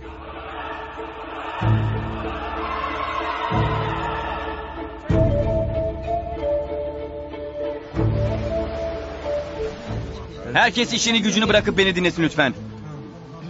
Bu da ne demek oluyor Doktor Mason? Sizin elinizde tabanca, Jack'in elinde de tüfek var. Niyetiniz nedir? Biz burada sizin esiriniz miyiz, misafiriniz mi? Çekin şu silahları üzerimizden. Soru sormayı bırakın. Sizlerden ellerinizi yukarı kaldırmanızı istiyorum. Sakın numara yapmayın. Jack son derece usta bir nişancıdır. Aklınızı mı kaybettiniz doktor? Neden ellerimizi kaldıracakmışız? Bu ne terbiyesizlik, bu ne küstahlık böyle. Şimdi size... Senatör, olduğunuz yerde kalın. Çünkü bir dahaki sefere kurşunları ayaklarınızın yanına değil vücudunuza saplarım. Delirdiniz mi? Neredeyse beni vuracaktınız. Tamam doktor tamam. Anladık. Maksadınız ciddi. Ama herhalde bizi laf olsun diye korkutmamışsınızdır. Mutlaka bir şey oldu. Evet. Anlatın da ne olduğunu öğrenelim. Aranızda iki tane katil var. Ne? Tamam İki erkek veya bir erkekle bir kadın. O iki kişinin tabancaları da var. Ben o tabancaları istiyorum. Doktor çıldırdın mı sen? Ne katilin ne tabancasından söz ediyorsun? Siz ellerinizi indirebilirsiniz Bayan Logart. Sizden şüphelenmek aklımın ucundan bile geçmez. Sorunuza gelince, hayır çıldırmadım. Çıldırmadığımın delili uçakta ve buzun içinde açtığımız mezarda. Ne demek istediğinizi anlayamadım. Uçağın kaptan pilotu bel kemiğine, ikinci pilotu ensesine ve kuyruk bölümündeki yolcu da kalbine bir kurşun yemiş. Ayrıca uçağın telsizcisi de burada burnumuzun dibinde boğularak öldürülmüştür. İyi ama siz bize onun beyin kanamasından öldüğünü söylemiştiniz. Evet, etrafı paniğe vermemek için öyle söylemiştim. Oysa o zavallı gece hepimiz uyurken alçakça boğularak öldürüldü. Bakışlarınızdan bana inanmadığınızı görüyorum Bayan Logart. Yoksa sizi uçağa götürüp söylediklerimin doğruluğunu ispatlamam mı gerekiyor? Hayır size inanıyorum doktor. Margaret tatlım doktorun söylediklerini sen de biliyor muydun? Bir saat önce öğrendim Bayan Logart. Doktor o zamana kadar benim suçlu olduğumu sanmış. Aman Allah'ım ne feci. İçimizden iki kişi adam öldürdü ha. Bize her şeyi anlatsanız nasıl olur Doktor Maysın? Pekala anlatayım. İşte her şeyi anlattım. Gördüğünüz gibi içinizden iki kişi katil. Bu gerçekten inanılmaz bir şey. Ama gerçek. Şimdi sizlerden teker teker ayağa kalkmanızı istiyorum. Arkadaşlarım Jot ve Jack üzerlerinizi arayacak. Gözlerim üzerinizde olacak. En ufak bir şüphede tetiği çekeceğime inanabilirsiniz. İnanırım. Pekala. Gel aramaya benden başla Jaws. Bay Zagor temiz doktor. Doktor, menajerden de bir şey çıkmadı. Bay Koratsi sizin üzerinizi arayacağım. Tabii arayabilirsin dostum. Bay Mahler, üstünüzü aramamda herhangi bir sakınca yok değil mi? Ee, hayır e, arayabilirsiniz. Bay Koratsi'nin üstü temiz. Affedersiniz rahip sizi de aramak zorundayım. Madem gerekiyor arayın tabii. Senatör, üstünüzü aramam gerekiyor efendim. Delirmişsiniz siz. Koskoca bir Amerikan senatörünü aramaya nasıl cüret edebilirsiniz? Buna hakkınız yok. Senatör burası ne Amerika ne de senato. Eğer katilsiz değilseniz üzerinizi aramamıza izin verin. Pekala ne haliniz varsa görün. Arayın bakalım. Doktor, senatör de temiz. Erkeklerin üzerinde tırnak çakısı bile çıkmadı patron. Geriye bir tek kadınlar kaldı. Onları da arayacak mıyız? Elbette arayacağız. Saçmalamayın. Bir erkeğin bir kadının üzerine araması görülmüş şey değil. Buna asla izin veremem. Merak etmeyin Bayan Dansby. Sizlerin üzerine bizler aramayacağız. Hostes kızla hizmetçiyi Helen arayacak. Tabii Doktor Maysın. Doktor Maysın Buyurun Bayan Logart. Kimse de tabanca bulunmadığı takdirde beni de aramanızı istiyorum. Töhmet altında kalmak istemem. Buna gerek yok Bayan Logart. Doktor Maysın. Bayan Dansby ve Helen'in üzerinde herhangi bir silah çıkmadı. Pekala. Jot, Jack şimdi de bavulların içine bakın. Peki patron. Vaktinizi boşuna ziyan ediyorsunuz Doktor Mason. Nedenmiş Bay Koratzi? En alelade cani bile er geç üzerinin ya da bavulunun aranması ihtimali olduğunu bilmeyecek kadar aptal değildir. Tabancaları mutlaka kimsenin bulamayacağı bir yere saklamışlardır. Olabilir ama işimi şansla bırakmak istemiyorum. Birazdan yola çıkacağız. Sırtımızdan vurulmak pek hoş bir şey değil. Madem öyle aramaya önce benim çantamdan başlayın isterseniz. Şu siyah valiz benim. Bu da rahip efendinin bavulu zannederim. Üzerindeki harflere bakılacak olursa bu evrak çantası senatörün olmalı. Şu çantanın kime ait olduğunu bilemiyorum.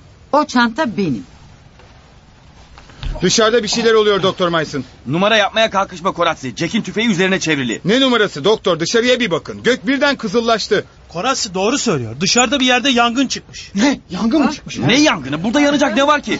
Dışarıya çıkıp bakalım. Aman Allah'ım. Bizim uçak yanıyor. Evet alevler kanatlarla gövdenin arasından fışkırıyor. İyi ama iki gündür duran uçak nasıl yanar? İyi ki bavullarımızı almışız. Yoksa hepsi uçakla birlikte kül olacaktı. Uçak infilak etti galiba. Evet benzin deposu havaya uçtu. Katiller hiçbir şeyi şansa bırakmıyorlar. Joss biz Margaret Ross'la uçağa gittiğimiz zaman birilerinin buradan ayrılmadığına emin misin? Hayır emin değilim patron. Herkes hareket halindeydi. Kimisi traktörün onarımına yardım ederken kimileri de erzağı ve benzin varillerini kızağa bağlamakla meşguldüler. Ama yine de biri sizler görmeden uçağa kadar gitmiş. Sen haklıymışsın Margaret. Uçaktayken sahiden de bir şeyler duymuşsunuz. Ama siz kim olduğunu göremediniz. Ne yani uçağın yanması kaza değil mi demek istiyorsun? Hayır kaza değildi Zagor. Sizin deliller kül oldu desenize doktor. Pilotlarla Albay Harrison'ın cesetleri de yanıp kül olmuştur. Şimdi onların tabancayla öldürüldüğünü nasıl kanıtlayacaksınız? Yanılıyorsunuz Bay Koratsi. Uçağın burunla kuyruk kısmına bir şey olmadı. Yanan uçağın ortasıydı ve orada da kimse yoktu. Hiç değilse bir şey belli oldu patron. Sana patlayıcı maddelerin karıştırıldığını söylemiştim hatırlıyorsun öyle değil mi? Patlayıcı maddelere ne olmuş? Biri fitilleri çalarak uçağı ateşe verdi senatör. Evet Joss. İşini bilen biri senin depondan aldığı patlayıcıları biz uçaktayken gizlice getirip kanadın bir yerlerine yerleştirmiş. Biz o sırada kanattan bir ses duyar gibi olmuştuk. Meğer katil benzin borularına hazneye yahut karbüratörlere bağladığı fitili tutuşturmuş. İyi ama kim yapabilir bunu? Bilmiyorum herkes yapabilir. Hatta siz bile senatör. Ağzınızdan çıkanı kulağınız duysun doktor. Ben Birleşik Devletler'in saygın bir senatörüyüm. Şimdilik hanginizin suçlu olduğunu bilmiyorum. Tek bildiğim şey fitilleri çalanla cinayetleri işleyen şahsın veya şahısların aynı kişiler olduğu. Şüphesiz telsizimizin valflarını kıran ve kondansatörleri de çalanlar onlardır. Yalnız onları değil. Şekeri çalan da aynı kişi olsa gerek. Ne? Şeker de mi çalınmış? Evet patron. Son şeker çuvalımızdı. 15 kilo şeker birden nasıl kaybolur anlayamadım. Geride sadece koridorun dibinde kırık valflere karışmış bir avuç dolusu kadar bir şey kalmış. Ama bu çok garip. Diyelim ki şekeri de katiller çaldı. Bu onların ne işine yarayacak ki? Öyle değil mi Doktor Mason? Haklısınız Bayan Logard. Bu işe ben de bir anlam veremedim. Neyse burada daha fazla durmayalım. Birazdan soğuktan kas katı kesilirsiniz. İçeri girin de akşam yemeğimizi yiyelim. Yemekte ne var doktor? Çorba, kahve ve adam başına birer bisküvi Bayan Helen. Kahveyi nasıl içeceğiz? Şeker çalındı diyorsunuz. Şekersiz içersiniz bayan ya da hiç içmezsiniz.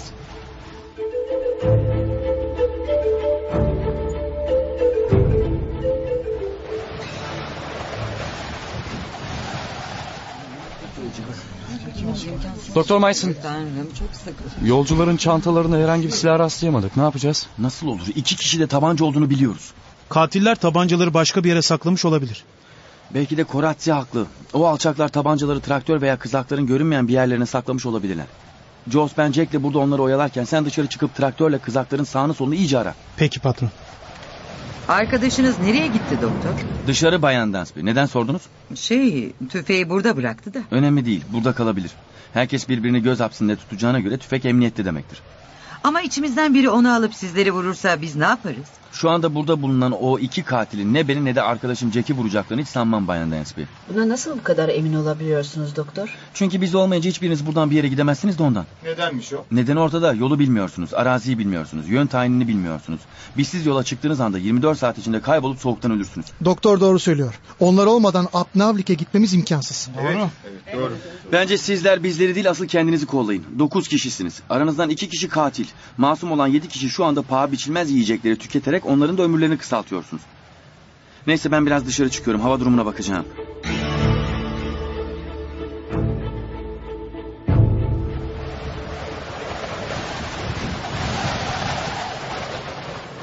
Traktörde ya da kızaklarda tabancaları bulabildin mi Joe? Hayır patron. Doktor, bizlerin vazgeçilmez olduğumuzu onlara çok güzel anlattın. En azından hayatlarımız garanti altında demektir değil mi? Umarım öyledir Jack. Şuraya bak patron. Ay ufukta belirdi. Her tarafı gündüzmüş gibi aydınlatıyor. Rüzgar da kesilmiş. Bence yola çıkacaksak hemen bu gece çıkmalıyız. Doktor, Joss doğru söylüyor. Bu mevsimde Kuzey Kutbu'nda ancak ay ışığında yolculuk yapılır. Üstelik rüzgar ve karda durmuş. Ben de aynı şeyi düşünüyorum. Yalnız sen bizimle gelmeyeceksin Jaws. Neden patron? Birimizin burada kalması gerek. Kim bilir belki de telsizi işletmeye muvaffak olursun. Doğru ama bu defa olmayacak patron. Çünkü telsizi çalıştıracak olan valfleri kırdılar biliyorsun. Yine de birimizin burada bulunması gerek. Hadi kulübeye girip yola çıkacağımızı söyleyelim.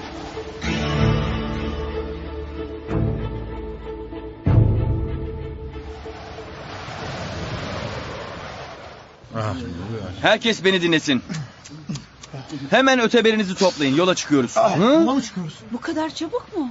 Neden yerine beklemiyoruz ki? Bu kadar acele etmemizin bir sebebi var mı doktor? Hava yolculuk etmeye müsait. Ay çıkmış. Kar ve rüzgar da dinmiş. Peki ya soğuk? Burası Grönland Bayan Dansby. Kuzey kutbunda bulunduğumuzu unutmayın. Soğuk her zaman vardır. Herkes üzerine giyebildiği kadar kat kat elbise giysin. Ayaklarınıza ikişer üçer çift çorap çekin. Yarım saat sonra yola çıkacağız. Biz traktörü çalıştırmaya çıkıyoruz. Ah bu arada unutmadan bir kere daha tekrar etmekte yarar görüyorum. Sözlerim katilleredir. Sakın ha beni ve Jack'i saf dışı bırakmaya niyet etmesinler. Aksi takdirde hem yolcuların hem de kendi ölüm fermanlarını imzalamış olurlar.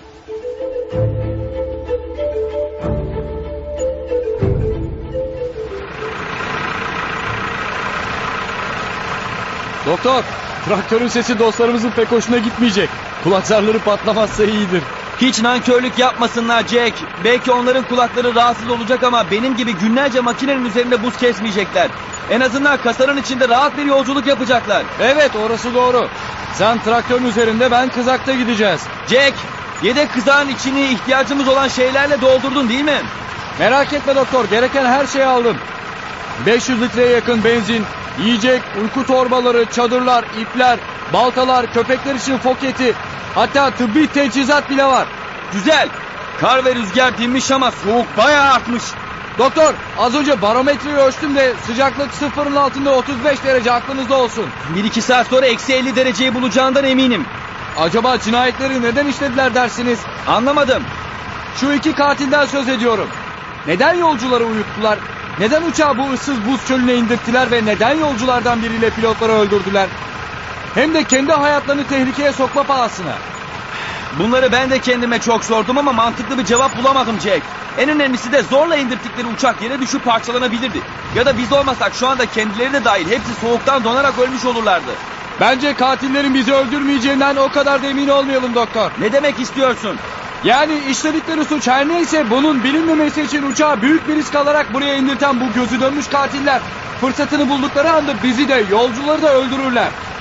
Bu yüzden tabancanı her an kullanabilecek durumda elinin altında bulundur. Doğru söylüyorsun. Sen de tüfeğin elinden hiç bırakma dostum. Dostlarımız geliyor bakın. İşlerinden ikisi katil ve ben oraya varıncaya kadar sırtım onlara dönük yolculuk yapacağım. Bu da beni çok korkutuyor.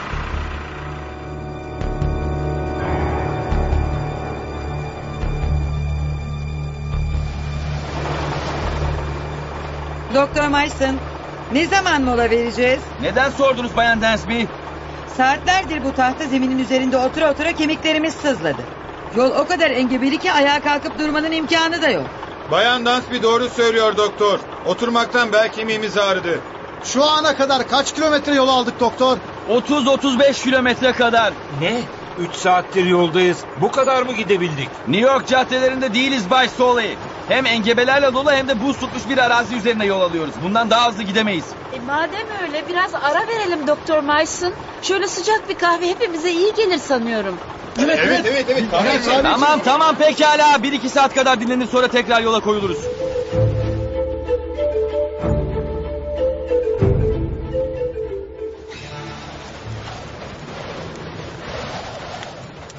Herkes kahvesini alabilir. Ya tabii şekersiz içeceksiniz. Şekersiz kahveden nefret ederim. Ah, yanımızda hiç şeker yok mu Helen? Maalesef efendim. İhtiyacımız olacağını hiç düşünmemiştim. Bayan Dansby içinde bulunduğumuz şartlarda şekersiz de olsa bir kahve nimet sayılır. Lütfen şikayet etmeyin. Haklısınız Bayan Lögard. Bu soğukta sıcak bir kahve insanın içini ısıtıyor. Teşekkür ederiz Jack. Rahip nerede? O kahve içmek istemedi. Yolun ilerisinde oturuyor. O Yahudi adam çok garip biri. İçine kapanık. Hiç kimseyle konuşmuyor. Evet ilginç. Kendisi hakkında hiçbir şey anlatmadı bize. Ben gidip onunla konuşayım. Kahve içmeyecek misiniz Bay Mahler? Hayır, canım istemiyor doktor. Avrupa seyahatiniz allak bullak oldu değil mi? Avrupa'ya değil, İsrail'e gidiyorum efendim. Orada mı oturuyorsunuz? Hayır, İsrail'e ömrümde ayak basmadı. Rusya'da doğan milyonlarca Yahudiden biriyim. Son Romanov Çarları adına işlenen zulümlerden kurtulmak için 1905 yılında babamla birlikte Rusya'dan Amerika'ya kaçmıştı. Annem bizimle gelmemişti. Yıllar sonra onun Rusya'da kaybolduğunu, abimin ise Almanya'da gaz odasında öldüğünü öğrendim. Peki siz Amerika'da ne yaptınız? Orada giyim eşyası üzerine ticaret yaparak biraz para kazandım. Biliyorsunuz biz Yahudiler para kazanmayı her şeyden çok severiz. Evlenmeye karar verdiğimde yaşım bir hayli ilerlemişti. Geçen yıl evlendim ama karım bir ay sonra öldü. Ben de ana yurduma yani İsrail'e dönmeye ve ömrümün geri kalanını orada geçirmeye karar verdim. Başımıza bunlar gelmemiş olsaydı şimdi orada olacaktım. Hayat hikayeniz oldukça üzüntü verici. Ama bu masallarla beni kandıramazsınız. Ne? Masal mı dediniz? Evet. Sakın kıpırdayım demeyin.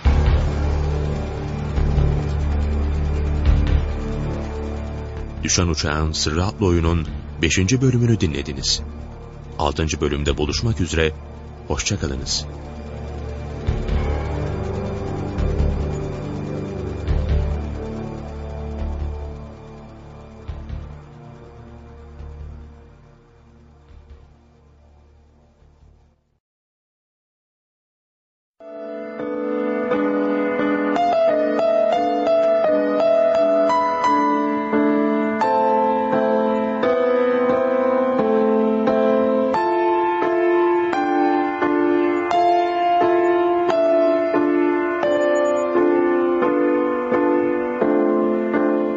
Arkası yarın.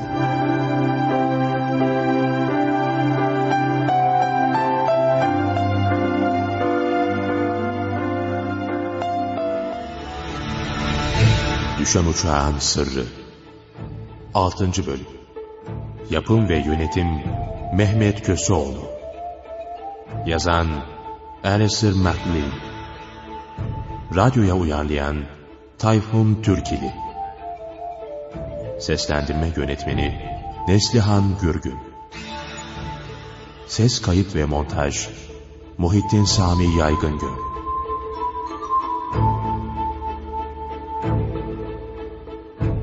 Grönland'da jeofizik istasyonunda görev yapan Doktor Mason ve arkadaşlarının bulunduğu bölgeye bir yolcu uçağı düşer. Kaptan pilot da ikinci kaptan ölmüş, telsizci komada hostesse yaralıdır. Uçakta bulunan 10 yolcudan sadece biri ölmüştür.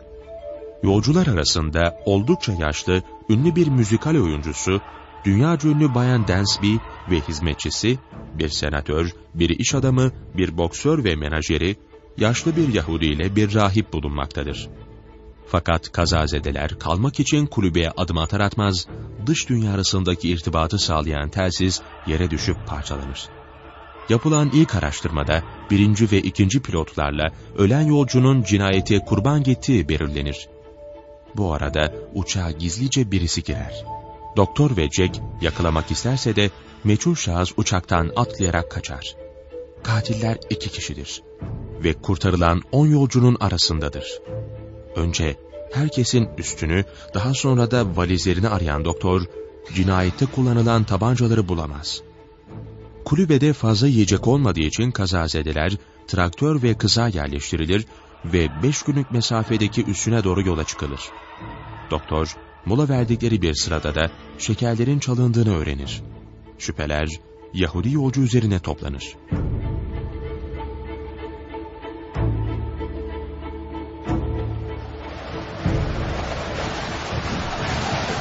Lütfen doktor, e, çekin o tabanca üzerimden. Kıpırdamayın Bay Mahler. Üzerinizdeki silahı istiyorum. Ne silah? E, Benim silahım yok ki. Yalan söylüyorsunuz. Arkanızı dönün. Üzerinizi arayacağım. Eğer saldırmaya kalkarsanız tetiği çekerim. E, Buyurun arayın. Ee, bir şey bulabildiniz mi? Tabanca yok ama başka bir şey buldum. Söyler misiniz bu kesme şekerler ne arıyor cebinizde Bay Mahler? Ben e, ben onları çaldım doktor. Çaldınız mı? Evet çaldım. Ne kadar garip. Caniler asıl suçlarını işlerken hiçbir hata yapmazlar da ufak tefek falsolar yüzünden yakaya ele verirler. ne demek istiyorsunuz? Telsizin yedek valflerini ayaklarınızın altında ezerken aç gözlülük edip şekeri çalmasaydınız hakikati belki hiçbir zaman öğrenemeyecektim. Yanılıyorsunuz. Benim ezilen varflerle hiçbir ilgim yok. Boşuna inkar etmeyin Mahler. Söyleyin bakalım çaldığınız 15 kilo şekerin geri kalan kısmını ne yaptınız? Yoksa sağa sola savurup ziyan mı ettiniz? Büyük bir hata yapıyorsunuz doktor. Ben valflere elimi bile sürmedim. E, bir avuç şeker çaldığım doğru. Ama şeker çuvalını olduğu gibi bıraktım. Tabii öyle söyleyeceksiniz. Daha bugüne kadar suçunu itiraf eden suçlu görmedim. Hadi traktöre dönelim de çantanızı arayalım dostum. E, buna hiç gerek yok. Size bir şey göstermeme izin verir misiniz? Neymiş o? E, buyurun. Şu kağıdı okuyun. Hastaneden verilmiş bir rapordu. Bakayım. Burada şeker hastası olduğunuz yazılı. Evet. Derin bir nefes verin. Tamam tamam inandım. Nefesiniz müzmin şeker hastalarının nefesleri gibi tatlı aseton kokuyor. Ne kadar zamandır hastasınız Bay Mahler? 30 senedir. Hastalığınız epey ilerlemiş olmalı. Size günde iki insülin iğnesi mi yapılıyordu? Evet, e, biri kahvaltıdan önce, ikincisi akşam üzeri. İyi ama eşyanız arasında şırınga göremedim. E, normal olarak şırıngamı üzerimde taşırım. Ama bu defa gerek görmedim. Yola çıkmadan önce doktor bana iğne yapmıştı. Birkaç saatlik fark üzerimde fazla bir tesir göstermediği için Londra'ya kadar bekleyebileceğimi düşünmüştüm. Tabii Grönland buz çölüne ineceğiniz nereden aklınıza gelecekti ki? Şekerleri bu yüzden çaldınız değil mi? E, evet, şeker komasının tedavisinde şekerin kullanıldığını duymuştum. Bol şeker aldığım takdirde bir şey olmaz diye düşündüm. Neyse, artık hırsızlığımın sebebini öğrendiniz işte. Sizi katil zannettiğim ve tabancayla tehdit ettiğim için özür dilerim Bay Mahler. Ama haklı olduğumu siz de itiraf edin. Yalnız durumunuzu neden bana daha önce söylemediniz ki? Ne de olsa doktorum değil mi? E, zamanı gelince çaresiz söyleyecektim. Ama şu sırada bir sürü derdiniz varken bir de kendi derdimle başınızı ağrıtmak istemedim. Ayrıca tıbbi malzemeniz arasında insülin olmayacağını düşünüyordum. Haklısınız yoktu. Neyse şimdilik bir sıkıntınız yok herhalde değil mi? E, hayır hayır iyiyim. Buna sevindim. Hadi gelin traktöre dönelim.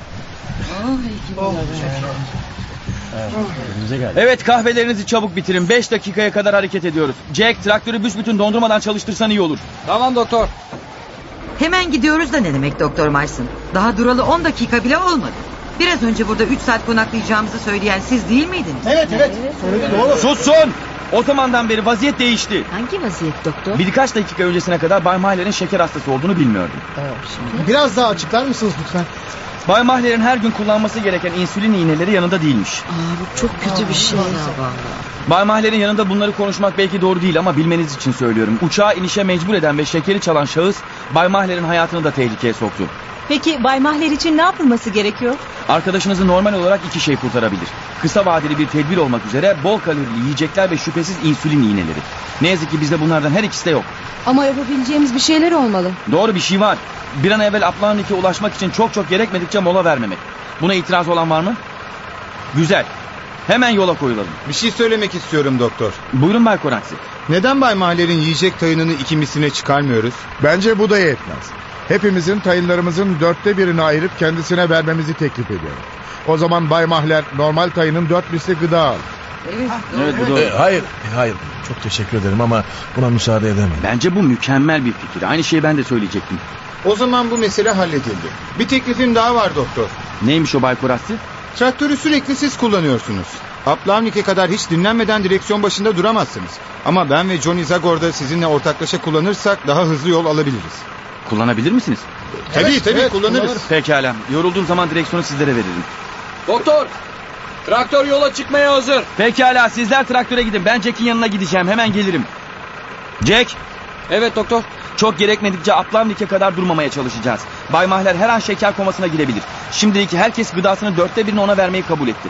İyi de bu tedbir Bay Mahler'in hayatını kurtarmaya yetecek mi sizce? Belli olmaz ama bir gerçek var ki biz Mahler'i kurtarmak için ne kadar gayret gösterirsek gösterelim... ...katiller sonunda ortaya çıkıp oyunlarını oynayacaklar. Evet. Neyse yola çıktığımızdan beri aklımda bir fikir var. Ne dersiniz bilmiyorum. Neymiş o? Aplavnik'e kadar yolcuların hepsini kıskıvrak bağlamak. Ancak bu şekilde hem kendimizin hem de suçsuz insanların hayatlarını garantiye alabiliriz. Bu benim de aklıma gelmedi değil ama bu acı soğukta eli kolu bağlı bir insanın birkaç saatten fazla yaşaması mümkün değil. Şimdilik tedbir olarak gözlerimizi dört açacağız.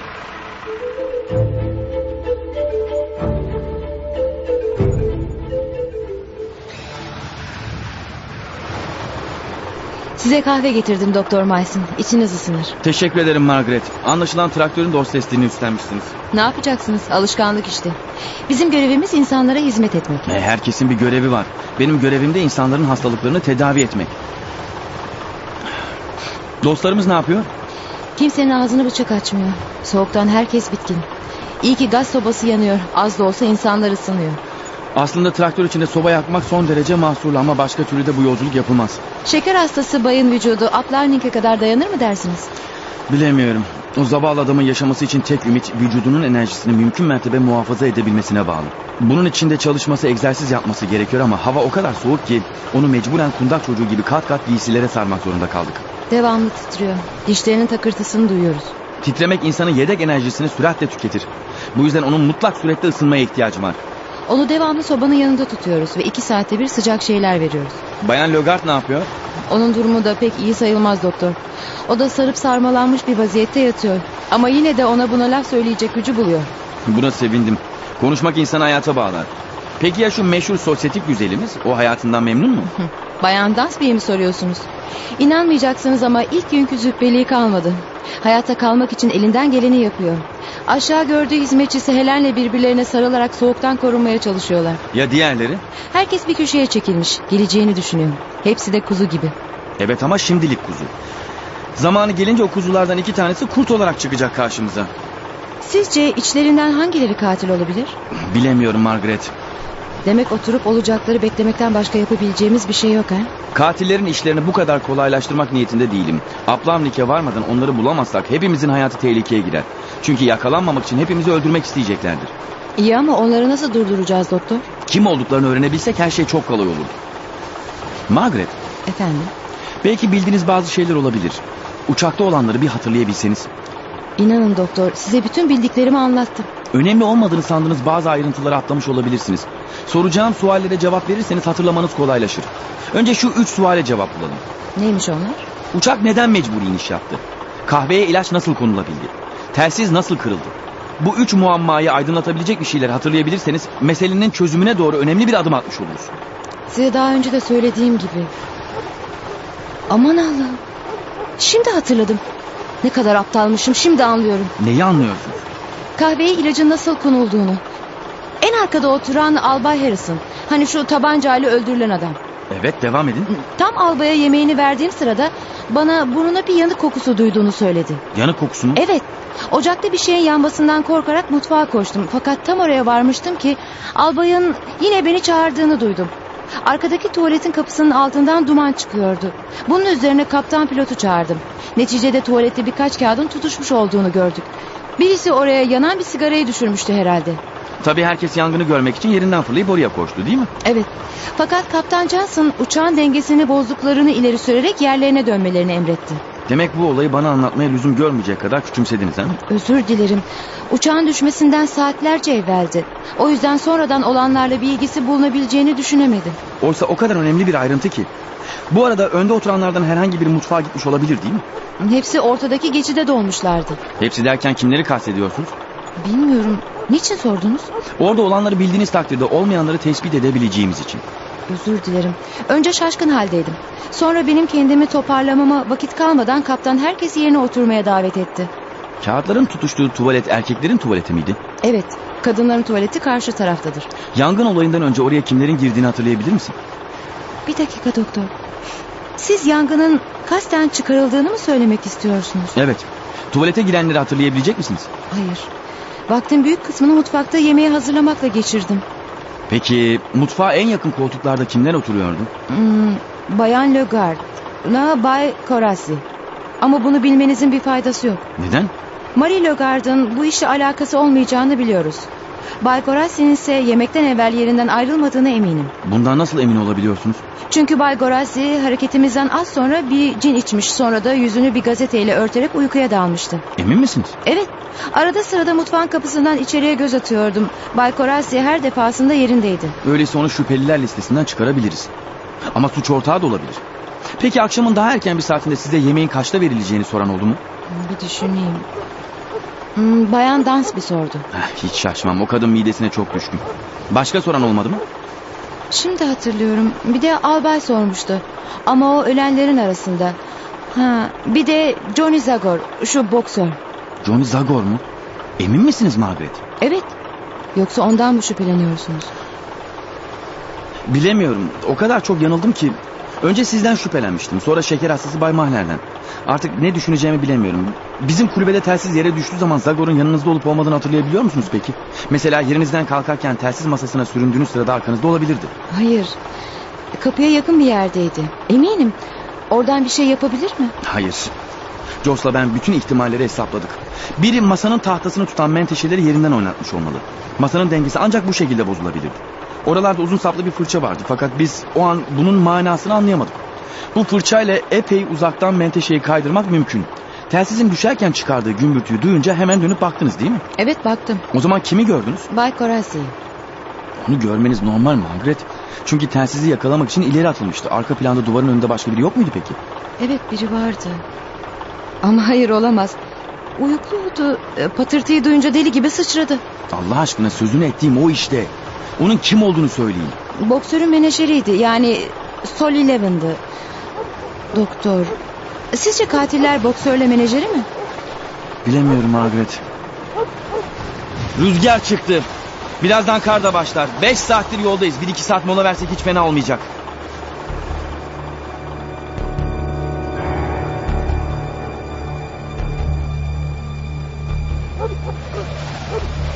Jack akşam yemeğinde ne yiyeceğiz?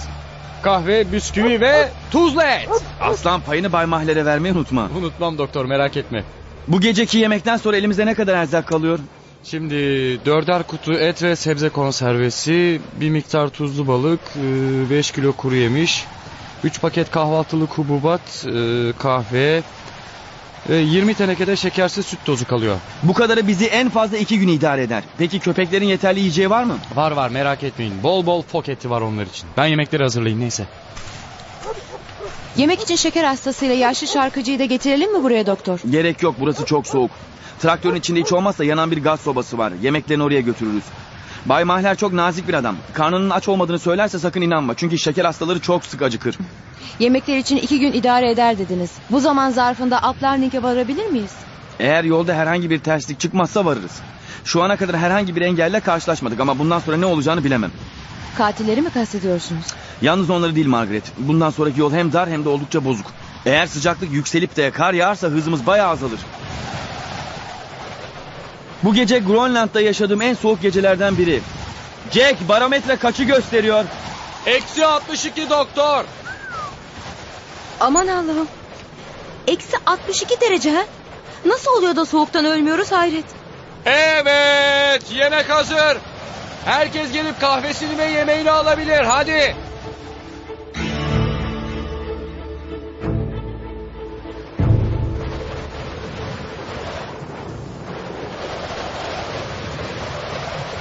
Soğuk. Evet yemeklerimizi yedik. Doktor bu arada barometre yavaş yavaş yükseliyor. Kar gelmeden yola çıksak iyi olur. Haklısın ama daha önce şu traktörün telsizini bir deneyelim. Her ne kadar Aplamnik'teki üste uzaksak da belli olmaz. Bakarsın çeker.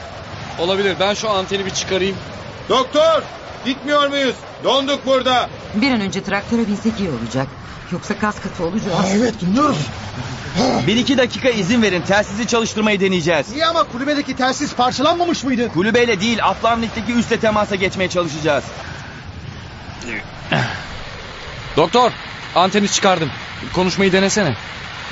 GFK GFX arıyor. GFK GFX arıyor. Tamam. Hmm. Hiç ses yok. Bir daha deneyelim. GFK GFX arıyor. GFK GFX arıyor tamam. Cevap yok.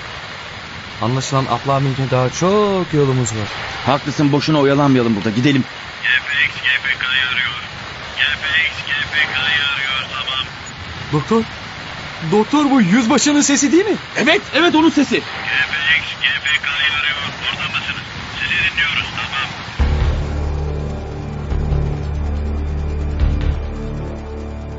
Düşen Uçağın Sırrı adlı oyunun 6. bölümünü dinlediniz. 7. bölümde buluşmak üzere, hoşçakalınız.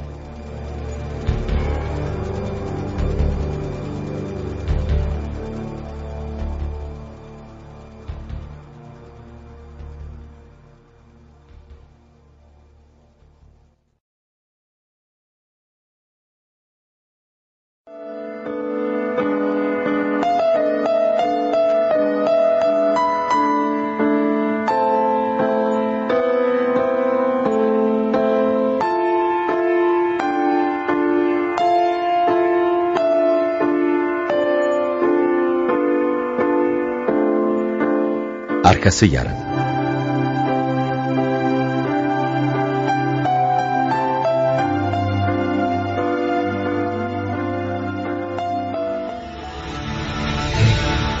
Düşen Uçağın Sırrı 7. Bölüm Yapım ve Yönetim Mehmet Köseoğlu Yazan Alistair MacLean Radyoya uyarlayan Tayfun Türkili Seslendirme Yönetmeni Neslihan Gürgün Ses Kayıt ve Montaj Muhittin Sami Yaygıngöl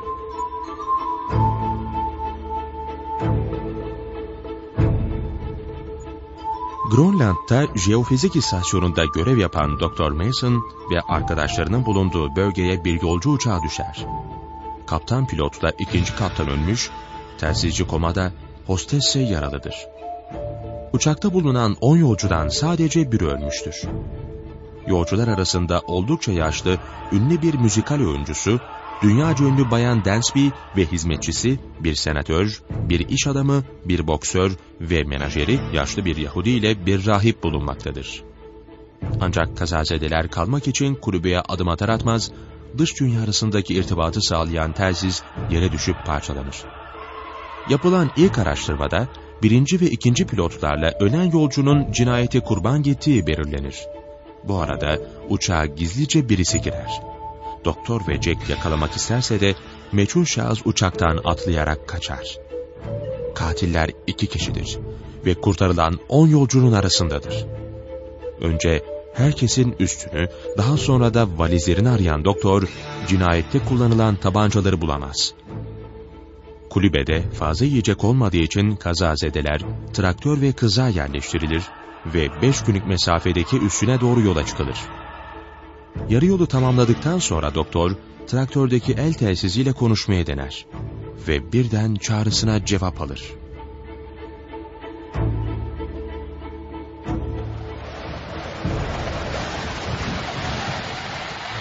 GPX GPK'yı arıyor tamam.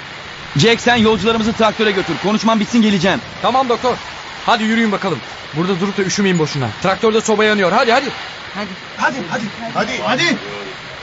Yüzbaşı Hillcrest, benim, Doktor Mason. Sesini duymak ne kadar güzel. Şu anda neredesiniz? Kulübedeyiz doktorum. Dünden beri sizinle temasa geçmeye çalışıyordum. Yüzbaşı ben sizi keşifte sanıyordum. Kulübede işiniz ne? Buraya düşen uçak yüzünden geldik dostum. Uçağın sizinle ne ilgisi var anlayamadım yüzbaşı. Sorma. Amerikalılar ve İngilizler uçağın bulunması için büyük bir kurtarma harekatına giriştiler. Çeşitli milletlere ait ticaret gemileri bile bu işle görevlendirildi. İnanamıyorum. Amerikan, İngiliz, Fransız ve Kanada balıkçı gemileri Grönland'ın batı kıyısına yaklaşıyordu. Amerikan Hava Kuvvetleri'ne bağlı bir düzine keşif ve bombardıman uçağı Sondreström Fjord'dan havalanmış. Amerikan sahil muhafaza firikaları da işin başında. Grönland'daki bütün jeofizik istasyonlarına aramaya katılma emri verilmiş. Biz de onun için apar topar kulübeye döndük. Buradan yakıt alıp tekrar yola çıkacağız. İyi de bu kadar patırtıya ne gerek vardı? Amerika Birleşik Devletleri Başkanı ve İngiliz kraliyet ailesinin yarısı o uçakta olsa telaş ancak bu kadar olurdu. Her neyse sen Aplavnik'i arayıp durumu bildir. Senden sonra orayı arayacağım zaten. Kayıp uçağı bulduğumuzu ve sizin de sahil yolunda bulduğunuzu haber vereceğiz.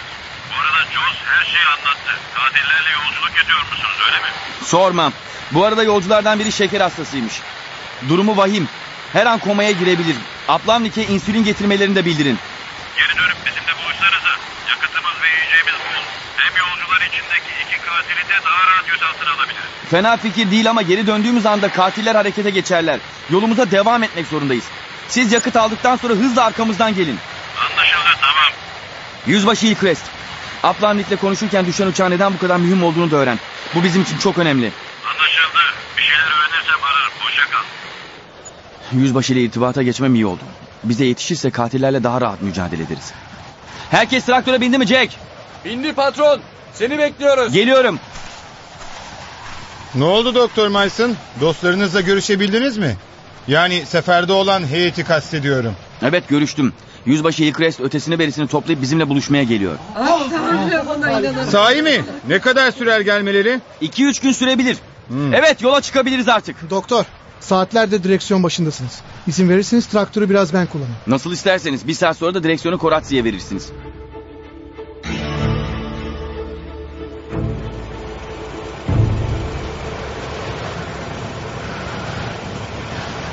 Traktörü sürmekte zorlanıyor musunuz Zagor? Kolay değil. Soğukta çok zor oluyor. Ne oluyor? Motor tekleme yapmaya başladı. Ah. Allah kahretsin tam da arıza yapacak zamanı buldu. Şimdi ne yapacağız? Bilmiyorum kapağı açıp motora bakacağız. Umarım oynak aksamlardan biri kırılmamıştır. Yoksa burada kaldık demektir. Ne oldu doktor? Motor arıza mı yaptı? Evet ama neresinden bilmiyorum Jack. Durun ben bakayım. Yandık. Fena. Sorun ne? Karbüratör buz tutmuş. Ama en kötüsü de radyatör. Radyatöre ne olmuş? Su kaçırıyor. Karbüratörü hallederim de radyatörü ne yapacağız bilmiyorum. Yola çıkarsak motor hararet yapıp hepten yolda kalırız. O zaman biz de radyatörü susuz bırakmamaya çalışırız. Evet nasıl olsa her taraf kar oldu. Gaz sobasının üstünde karları eritir eritir radyatöre koyarız. Bu bize çok zaman kaybettirecek. Neredeyse her saat başı durup radyatöre su koyacağız. Neyse önce karbüratörü halletmeye bakalım. Bunu nasıl yapacaksın? Aa bir dakika bir dakika. Gaz lambalarıyla buzu eritir, çalışır hale getirebiliriz. O zaman ne kadar e, gaz lambası varsa hepsini getirecek. Bay Mahler hariç hepimiz buzu eritmeye çalışalım. Ne oldu doktor? Sormayın Margaret. Karbüratör buz tutmuş, radyatör delinmiş. Kasadakiler ne yapıyor? Herkes üşümemek için birbirine sarılmış yatıyor. Şu sosyetik hanım, Dansby'yi görmeyin. Hizmetçisiyle sarmaş dolaş. Ee, kutup böyledir işte. Tıpkı ölüm gibi sınıf farklarını ortadan yok eder. Yalan da değil. Bayan Logart'la Bay Mahler'in durumları nasıl? Her saat biraz daha kötüleşiyorlar. Yüzleri, dudakları mosmor oldu. Ağızlarını bıçak açmıyor. Onlar için yapabileceğimiz hiçbir şey yok mu? Keşke olabilse. Her ikisi de o kadar yaşlı ki. En kötüsü de Bay Mahler. Yeteri kadar gıda alamaması onu her an komaya sokabilir. Uplanding'e kadar dayanabilir mi dersiniz? Bilemiyorum. Ama Allah'tan ümit kesilmez Margaret. Her ikisini de size emanet ediyorum. Özellikle Bay Mahler'in ayaklarına bol bol masaj yapmalısınız. Eğer donacak olursa kangren olur ve kesmek zorunda kalırlar. Merak etmeyin doktor. Elim hep onların üzerinde olacak. Şimdi onların yanlarına gidiyorum. Allah'ım bize yardım et. Bir tarafta katiller, diğer tarafta hastalar. Bu işin altından ancak senin yardımınla çıkabiliriz. Ah!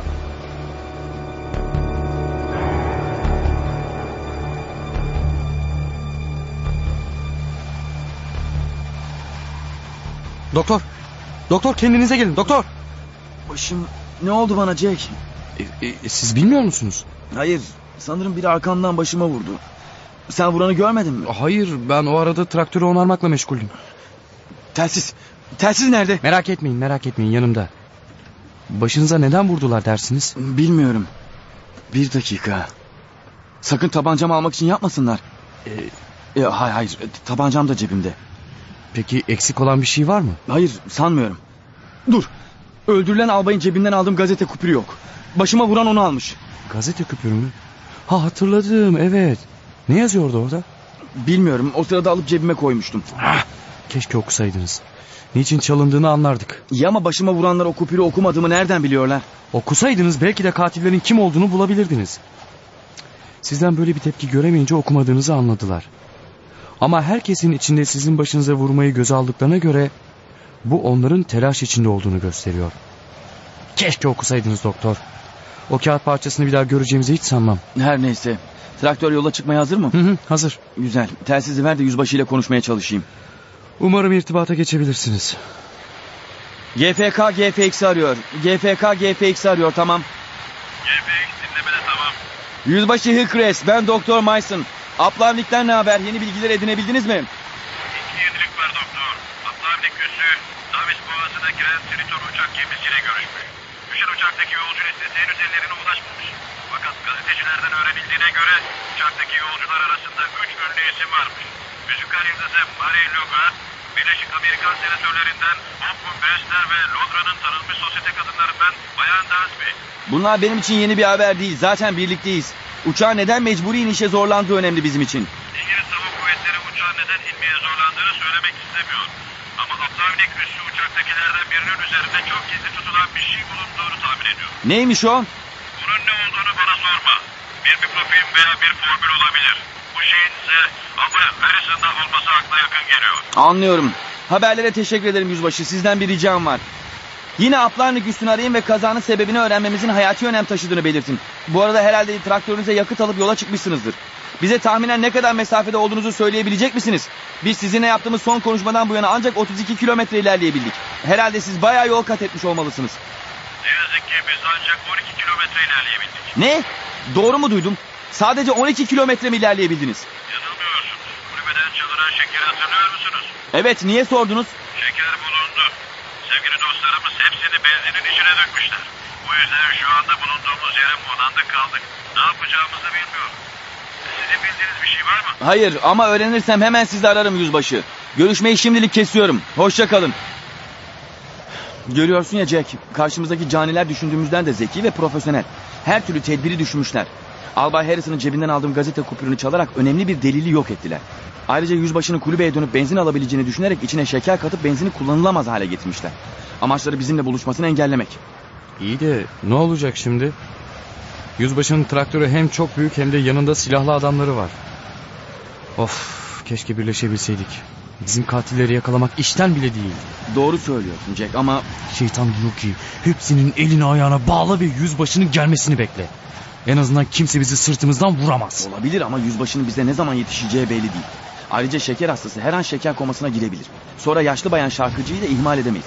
O da sürekli kuvvetten düşüyor. Varacağımız yere bir an önce ulaşamazsak bu ikisinin de öleceği anlamına geliyor. Keşke yüzbaşı benzini bir an önce şekerden arındırmanın bir yolunu bulabilse. Ben o yolu buldum galiba Jack. Ee, benzini şekerden ayırt etmenin yolunu mu? Evet. Hemen şeker hastasını buraya getir. Bizim bay mahallenin. Evet çabuk ol. Hemen mahalleri buraya telsiz başına getir. Hı hı.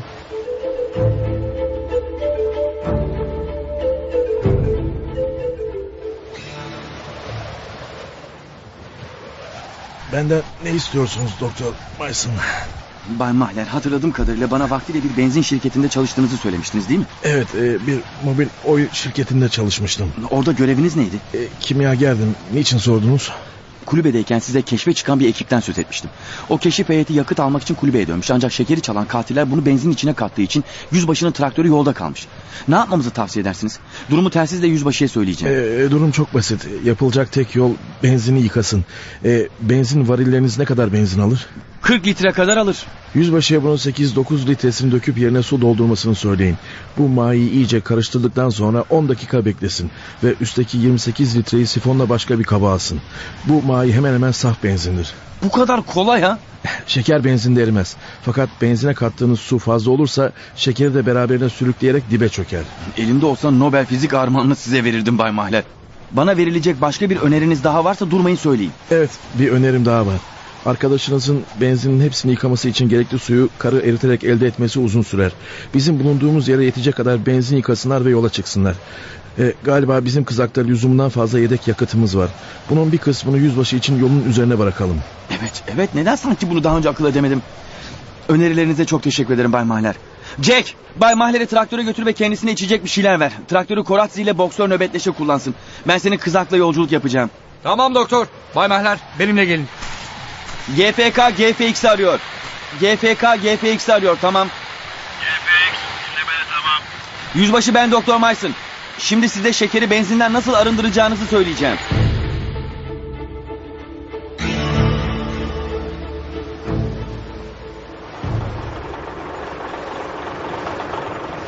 Doktor sence katiller kim? Traktördeki 10 yolcudan 6'sının suçsuz olduğuna eminim Jack. Hmm, peki kim bunlar? Hostes. Bir zamanların ünlü müzikal yıldızı Marie, sosyetik güzel dans bile hizmetçisi Helen, senatör Brewster ve şeker hastası Mahler. Ha, geriye iş adamı Koratzi, boksörle menajeri bir de rahip kalıyor. Yani sence katiller bu dört kişiden ikisi mi? Rahibin katil olduğunu sanmıyorum. Yolculuğun başından beri elinden incili düşünmüyor. Dinine bağlı birinin böyle karanlık işlere gireceğini, adam öldüreceğini sanmıyorum. E bu durumda üç erkek kalıyor. Biri masum, diğer ikisi suçlu. Koratzi'den şüphelenmem için bir sürü neden var. Traktör mütehassısı olmasına rağmen traktörler hakkında pek az bilgisi var. Ayrıca düşen uçağa girdiğimizde ayaktaki tek yolcu oydu. Ben yüzbaşıyla telsizle konuşurken hep yakınımda olmaya çalışıyordu. Yola çıkmadan önce kulübedeki benzini taşımak için o sana yardım etmişti. Böylece geri kalan yakıta şeker katmaya fırsatı olmuştur. Lehinde sayılabilecek tek nokta kulübedeki düşen telsizi yakalamak için sarf ettiği gayret. Peki ya boksörle menajeri? Her ikisinden de şüphelenmem için yeterli nedenler var. Bir kere Zagor uçakta hostese yemeğin kaçta verileceğini sormuştu. Telsizin tarif edilmesi hadisesinde cihaza en yakın yerdeydi ve bu işi görmek için en müsait durumdaydı. Hepsinden önemlisi bu adamın boksöre benzer bir yanı olmadığı gibi Solly Levin'in de menajere benzer bir hali yok. Hmm. Yani bu duruma göre sizin gözünüzde üçü de şüpheli öyle mi? Evet öyle Jack. Traktör patinaj yapmaya başladı. Evet. Dağların ortasındaki rampaya geldik. Traktör bu yüzden patinaj yapıyor. Bence bu dağların etrafından gitsek daha iyi olur. Biliyorum o yol daha düzgün ama bize en az bir gün kaybettirir. Oysa rampa ve kasisli olmasına rağmen bu yolun tamamı 16 kilometre. Traktör durdu. Rampayı patinaj yapmadan çıkması için yedek kızaktaki bütün aletleri traktörün kasasına koyarak ağırlaştıralım. Kaymayı önler. Hem öyle yapalım hem de mola verelim. Yaşlı bayan Yıldız'la şeker hastası Yahudinin sağlık durumlarına bakmam gerek.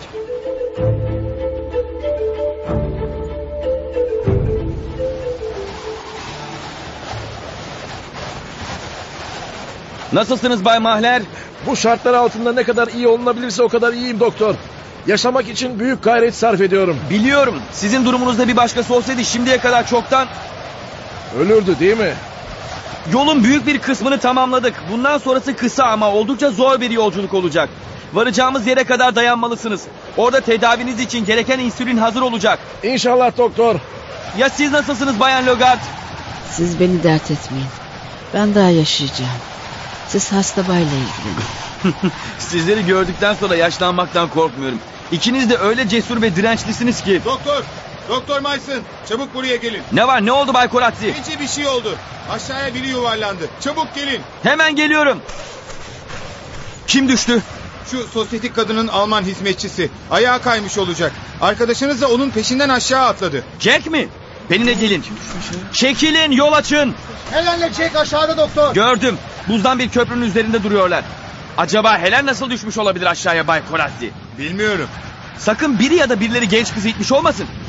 Siz bir şey gördünüz mü Zagor? Hayır. Ya siz Bay Menajer? Hayır ben de görmedim. Hayır ben de görmedim. İnanılmaz bir şey. Şurada topu topu bir avuç insansınız ama olan biten hiçbir şeyi fark etmiyorsunuz. Görmüyorsunuz. Hey! Bizi duyuyor musunuz? Duyuyoruz. Bir şeyin yok ya Jack. Galiba sol kolum kırıldı doktor. Peki ya Helen o iyi mi? Her tarafım ağrıyor ama önemli bir şeyim yok doktor. Üzerinde durduğumuz buz pek sağlam değil. Ayaklarımın altında çatırdadığını hissediyorum. Merak etme kurtaracağız sizi. Aşağı ip sallayarak onları çekemez miyiz doktor? Jack'in kolu kırılmasaydı çekerdik ama bu durumda ipi vücuduna saramaz. Peki nasıl kurtaracaksınız onları? Yedek kızakta uzun bir halat var. Sizler ipi tutarsınız ben de kendimi ona bağlayıp Jack ile Helen'in yanına inerim. Sonra teker teker bizi yukarı çekersiniz. Düşen Uçağın Sırrı adlı oyunun 7. bölümünü dinlediniz. 8. bölümde buluşmak üzere, hoşçakalınız.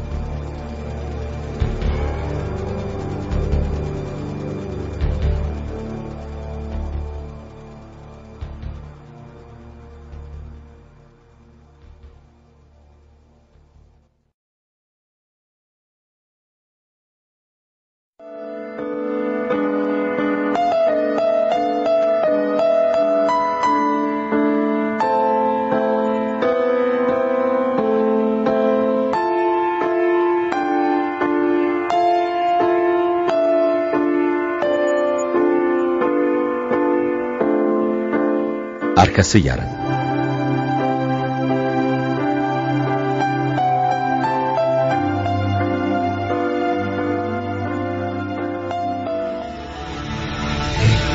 Düşen Uçağın Sırrı 8. Bölüm Yapım ve Yönetim Mehmet Köseoğlu Yazan Alistair MacLean Radyoya uyarlayan Tayfun Türkili Seslendirme Yönetmeni Neslihan Gürgün Ses Kayıt ve Montaj Muhittin Sami Yaygıngöl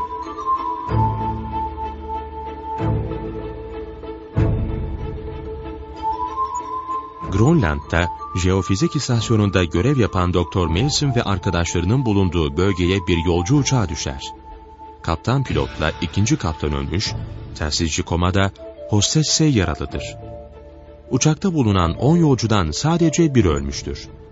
Yolcular arasında oldukça yaşlı ünlü bir müzikal oyuncusu, dünyaca ünlü Bayan Dansby ve hizmetçisi, bir senatör, bir iş adamı, bir boksör ve menajeri, yaşlı bir Yahudi ile bir rahip bulunmaktadır. Fakat kazazedeler kalmak için kulübeye adım atar atmaz dış dünya arasındaki irtibatı sağlayan telsizlere düşüp parçalanır. Yapılan ilk araştırmada birinci ve ikinci pilotlarla ölen yolcunun cinayete kurban gittiği belirlenir. Katiller iki kişidir ve kurtarılan on yolcunun arasındadır. Önce herkesin üstünü, daha sonra da valizlerini arayan doktor, cinayette kullanılan tabancaları bir türlü bulamaz. Kulübede fazla yiyecek olmadığı için kazazedeler, traktör ve kıza yerleştirilir ve beş günlük mesafedeki üssüne doğru yola çıkılır. Mola verdikleri bir yerde sosyete güzeli Dansby'nin hizmetçisi Helen, yarıklardan birine düşer ve doktor genç kızı kurtarmak için beline ip sararak yara inmeye karar verir.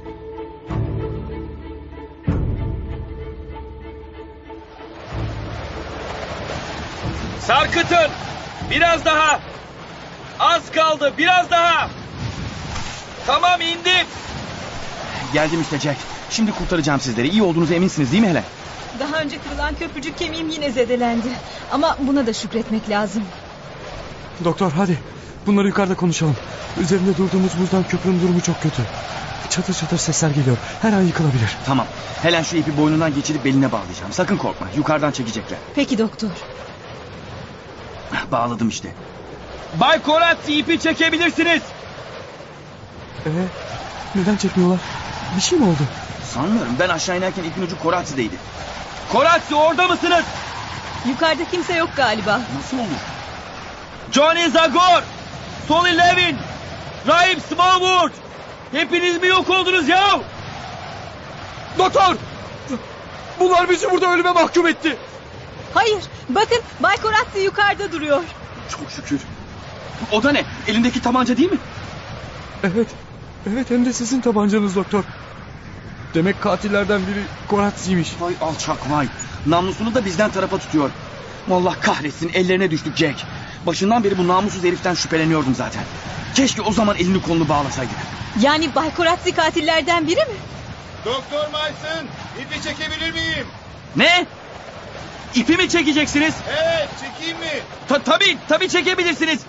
İlk çekeceğiniz kişi Bayan Helen. Dikkatli olun köprücük kemiği zarar görmüş. Ağır ağır çekin. Merak etmeyin çekiyorum. Patron, Koratsi konusunda yanılmışız. Ne bileyim ben elinde tabancasıyla görünce bizi öldüreceğini sandım. İyi ama benim tabancam onun elinde ne arıyor? Neyse bunu yukarı çıkınca öğreniriz. Ama bildiğim bir şey var.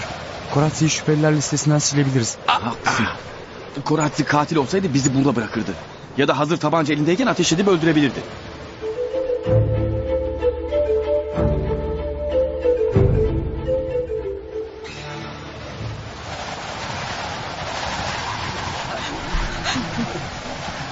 Teşekkür ederiz Bay Koratsi. Yalnız tabancam sizin elinizde ne arıyor pek merak ettim. Traktörün sürücü yerinde buldum. Aramızda katiller varken öyle rastgele her yerde bırakmayın derim. Buyurun tabanca. Teşekkür ederim. Evet senin şu kırık koluna bakayım Jack. Dikkat edin doktor çok ağrıyor. Sakin ol. Önce kırık mı değil mi ona bir bakalım. Aa! Ay, yavaş yavaş. Korkma kırılmamış dostum. Senin kırık sandığın şey dirsek mafsalı yerinden çıkmış. Şimdi onu yerine takarız. Tak- takar mısınız? Nasıl yani? Çıkan kemiği yerine yerleştireceğim. Canım biraz acıyacak ama. Ya! Tamam bitti. Bitti mi? Evet. Kolunu istediğin gibi kullanabilirsin dostum. Ah. Gelelim sana Helen. Çok korktum doktor. Bir an o çukurda öleceğimi sandım. Hepsi geçti sakin ol artık. Helen lütfen.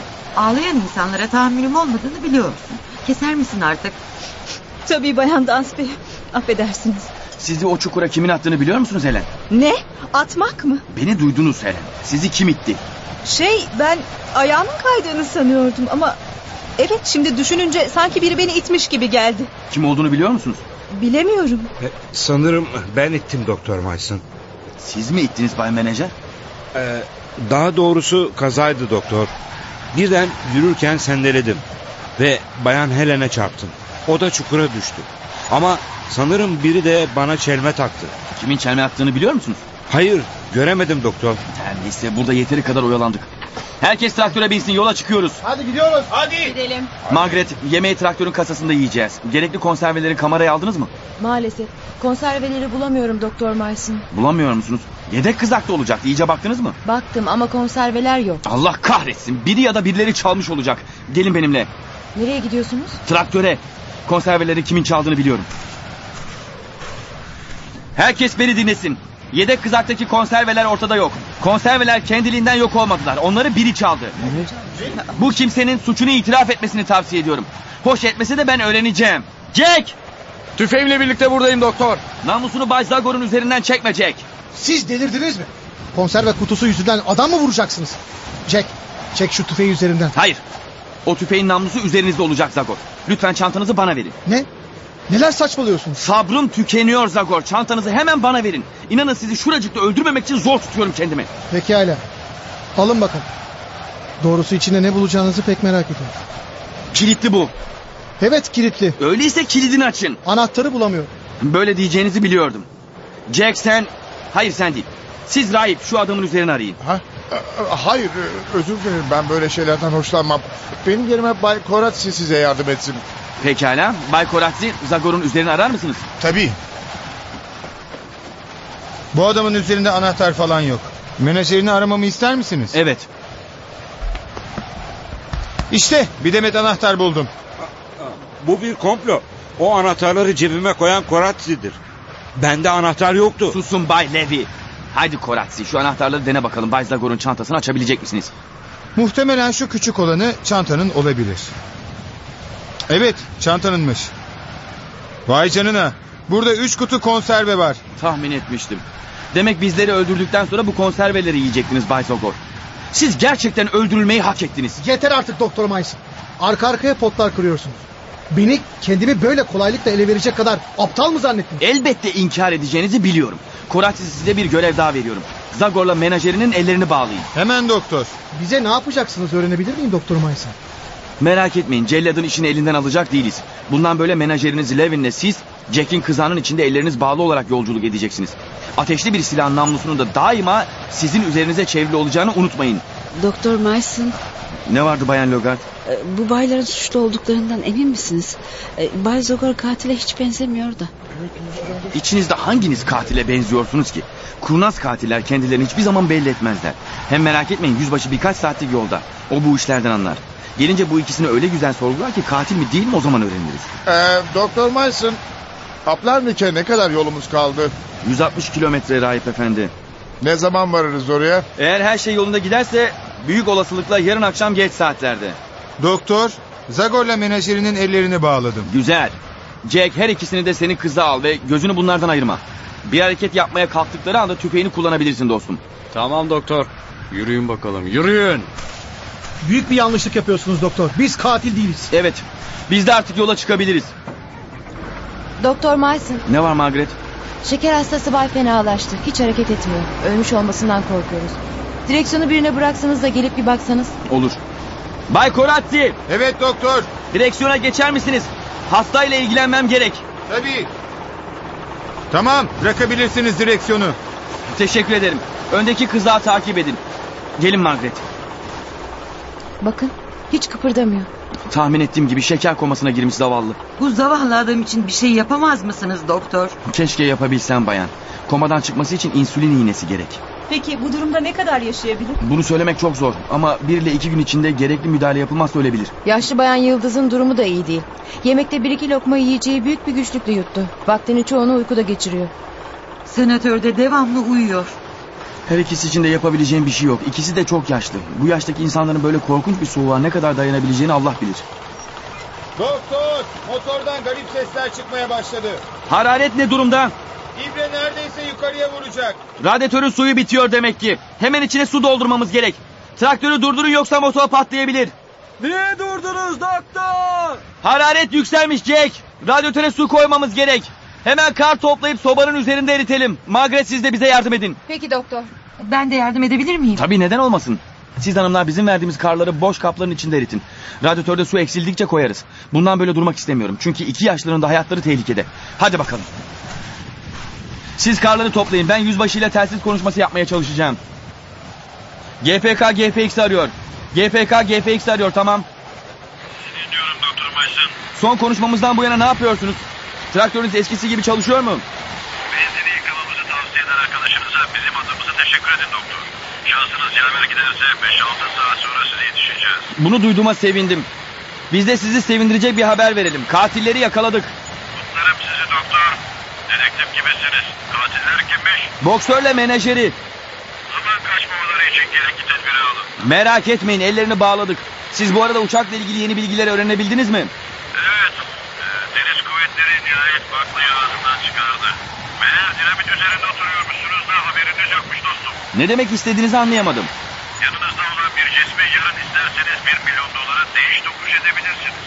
Demek ki hükümet bu kadar esaslı bir arama faaliyetine girişmemiş. Tridor uçak gemisi o cismi bizzat almaya geliyor. Neler söylüyorsunuz siz? Uçağın taşıdığı şey neymiş? Çabuk söyleyin. Benim anladığıma göre fevkalade gizli bir güdümlü mermi mekanizmasıymış. İç yüzünü Amerika Birleşik Devletleri'ndeki e, iki bilim adamından başka bilen yokmuş. Amerika ile İngiltere'nin geçenlerde atomik veya güdümlü silah konularındaki bilgilerini paylaşmak hususunda mutabakata vardıklarını biliyorsunuz. Evet gazetelerde okumuştum. Bir eşi daha olmayan bu mekanizmada tetkik için İngiltere'ye gönderiliyor. İngiliz hükümeti mekanizmanın Rusların eline geçmesini önlemek için her türlü tedbiri almış. Yüzbaşı sözünü ettiğiniz bu mekanizmayı teşhis etmemiz için bize biraz bilgi verebilir misiniz? Nasıl bir şeymiş bu? Muhtemelen volkanit ve madenden oldukça büyük, portatif bir radyo şeklinde kamufle edilmiş. Taşınması için örgülü bir delik kayışı varmış. Bu cihazı bulmaya bakın doktor. Tamam yüzbaşı. Görüşmeyi kesiyorum. Jack, yüzbaşının sözünü ettiği cihazı sanki birisinde görmüş gibiyim. Sen hatırlıyor musun? Hayır. Ama ben hatırlıyorum Doktor Mayson. Vay canına Zagor ellerini çözmüş. Benimle uğraşmayı bırakın doktor. O portatif radyoya benzeyen şey Koratsi'de. Ne? Koratsi'de mi? Yalan. İftira atıyor. Çabuk yakalayıp bağlayalım şu katili. Çek ellerini Koratsi. Çek diyorum sana. Al bakalım.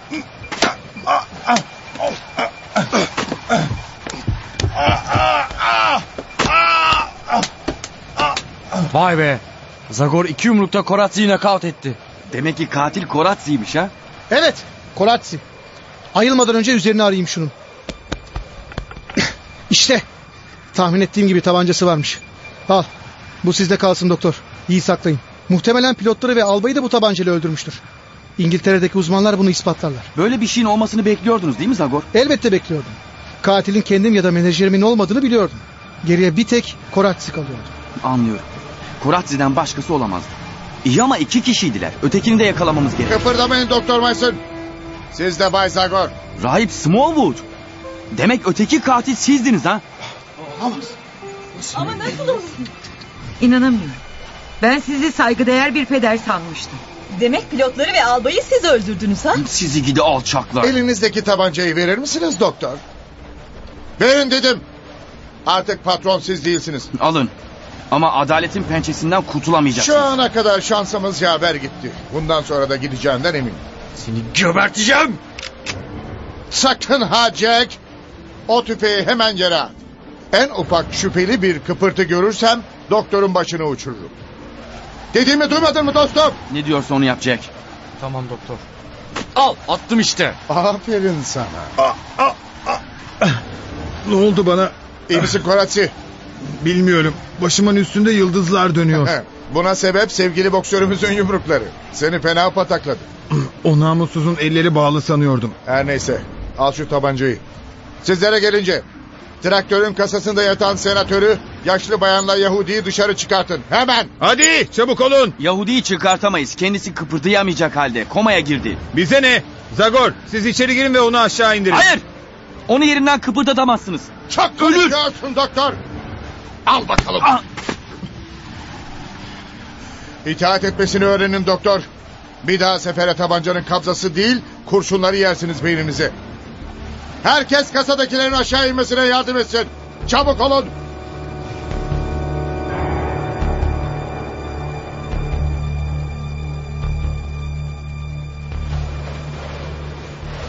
Herkes tek sıra olsun.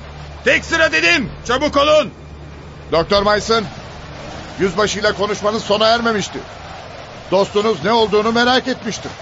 Şüphesini uyandırmayacak şekilde tekrar konuşun onunla. Nasıl isterseniz. Koratsi, telsizi ver. Al bakalım dostum. Rahibi duydun. Yüzbaşıyla her şey yolundaymış gibi konuşacaksın tamam mı? Tamam. GFK GFX'i arıyor. Neredeyse sizden ümidimi kesmiştim doktor.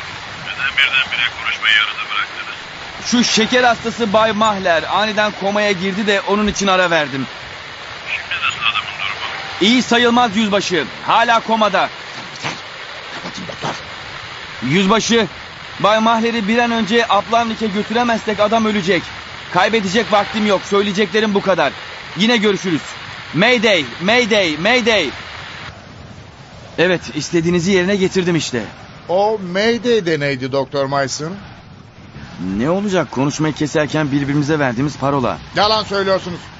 Parola GFK idi. O görüşmeye giriş parolamız. Görüşmeyi keserken Mayday kullanırız. Yalan söylüyorsunuz. Hayır yalan söylemiyorum. Beşe kadar sayıp ateş edeceğim. Bir. iki, Üç. Düşen Uçağın Sırrı oyunun 8. bölümünü dinlediniz. 9. bölümde buluşmak üzere, hoşçakalınız.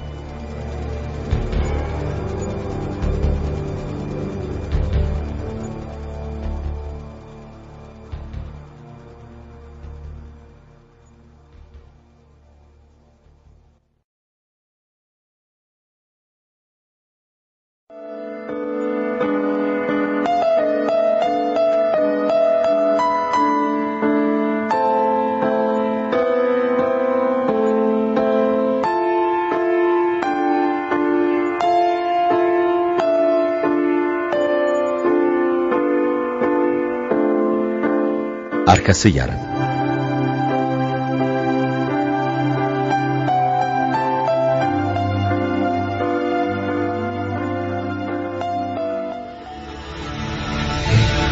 Düşen Uçağın Sırrı 9. Bölüm Yapım ve Yönetim Mehmet Köseoğlu Yazan Alistair MacLean Radyoya uyarlayan Tayfun Türkili Seslendirme Yönetmeni Neslihan Gürgün Ses kayıt ve montaj Muhittin Sami Yaygıngöl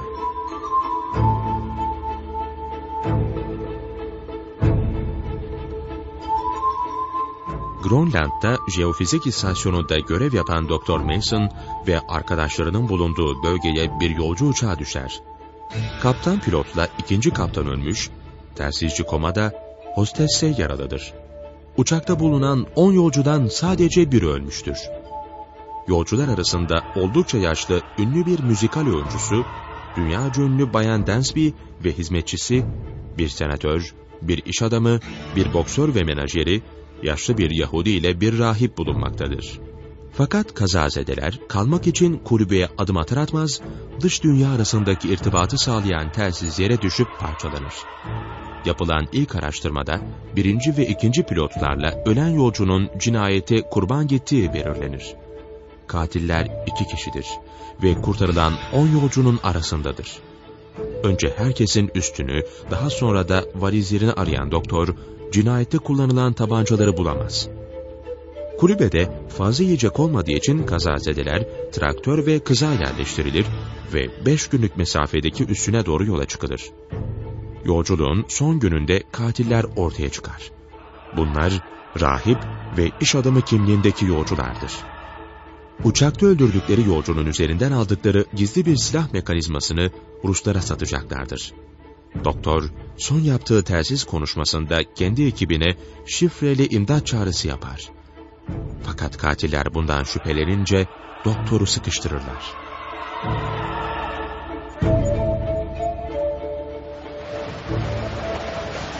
Son iki saniyen doktor. Ya Mayday'in ne olduğunu söylersin ya da ölürsün. Durun ateş etmeyin. Mayday'in ne olduğunu ben söyleyeyim. Neymiş? Bütün dünya havacılarının imdat sinyalidir bu. Margaret. Kusura bakmayın doktor. Söylemeseydim sizi öldürecekti. Doğru. Öldürecektim. Ama ne var ki cesur insanlara karşı oldum olası hayranlık duyarım. Bu yüzden sizi öldürmeyeceğim. Bu buz çölünden sağ kurtulamayacaksınız sahte rahip efendi. Düzinelerle gemi ve uçak sizleri arıyor. Bizim için endişelenmeyin doktor. Biz kurtulacağız. Koratsi, şu mekanizmanın bulunduğu portatif cihazı getir. Peki. Al. İşte. Yüzbaşı dostunuzun sözünü ettiği portatif radyoya benzeyen cihaz bu Doktor Mason. Mekanizma bu cihazın en altında. Üstündeki bu düğmelere gelince bunlar telsiz görevi yapıyor. Şaşırdınız değil mi? Stresi bırak da müşterilerle konuş Smallwood. Bizimle Doğru. ne zaman buluşacaklar? Tamam. Sen buradan ayrılma. Müşterileriniz Ruslar değil mi? Alçak herifler. Para için vatanınızı satıyorsunuz. Geçin bu lafları. Vatanseverlik karın doyurmuyor. Ruslar o mekanizma için bize bir milyon dolar ödeyecekler. O mekanizmayla binlerce, yüz binlerce masum insanı öldürecekler. Kimin umrunda? Alçak herif. Elimde tabanca olmasaydı bütün dişlerini eline verirdim. Evet. Bu işte bitti Koratsi. Müşterilerle konuştum. Yarın mekanizmayı alacaklar. Ne yaparsanız yapın buradan kurtulamazsınız. Bütün Grönland sahili gemiler ve uçaklarla kaynıyor. Triton uçak gemisinin keşif uçakları sandaldan büyük bütün tekneleri kontrol edecekler. Bizim müşteriler gemiyle değil denizaltıyla gelecekleri için yakalanma tehlikesi yok doktor. Doktor, şu harita üzerinde Kangalak Fiyordu'nu gösterin bize. Hayır. Beni buna mecbur edemezsiniz. Evet, bu cevabı vereceğinizi biliyordum. Ama ben sizi konuşturmasını bilirim. Hostesle aranızda günden güne kuvvetlenen bir bağ olduğu gözümden kaçmadı. Terbiyesizlik etmeyin. Dediğimi yapmazsanız güzel hostesi öldüreceğim. Tamam tamam verin haritayı. Şu harita üzerinde işaretleyin. Kangalak Fiyordu işte şurası. Peki biz neredeyiz? Şurada. Ee, bu duruma göre şimdi hareket edersek en geç yarın orada olur. Ruslarla Kangalak Fiyordu'nda mı buluşacaktınız? Evet. Madem Kangalak Fiyordu'na gidecektiniz uçağı neden bizim kulübenin oraya indirttiniz de başımıza bu işleri açtınız? Kaptan pilota bizi Fjord'un tam kuzeyinde sahile indirmesini emretmiştim. Orada dört buçuk kilometre uzaklığında bir pist olduğunu öğrenmiştik ama pilot bize oyun oynayınca... Biz de mecburen onu öldürmek zorunda kaldık. Her neyse sahile ne kadar yolumuz kaldı Koratsi? Aşağı yukarı 95 kilometre. Öyleyse hemen yola koyulalım. Peki ya biz ne olacağız? Evet biz ne Evet, olacağız? biz ne olacağız? Evet, biz ne olacağız? Bizi burada açlıktan ve soğuktan ölmeye terk edemezsiniz. Bizi bırakamazsınız. Tamam bağırmayın. Sizleri de birlikte götürüyoruz. Binin traktörün kasasına. Traktörü kim kullanacak? Sen kullanacaksın. Ben de sevgili doktorumuzun göz bebeği, güzel hostesi ve bayan Helen'i rehin alarak kızakla sizleri takip edeceğim. Eğer yanlış bir hareket yaparlarsa hanımları öldüreceğim.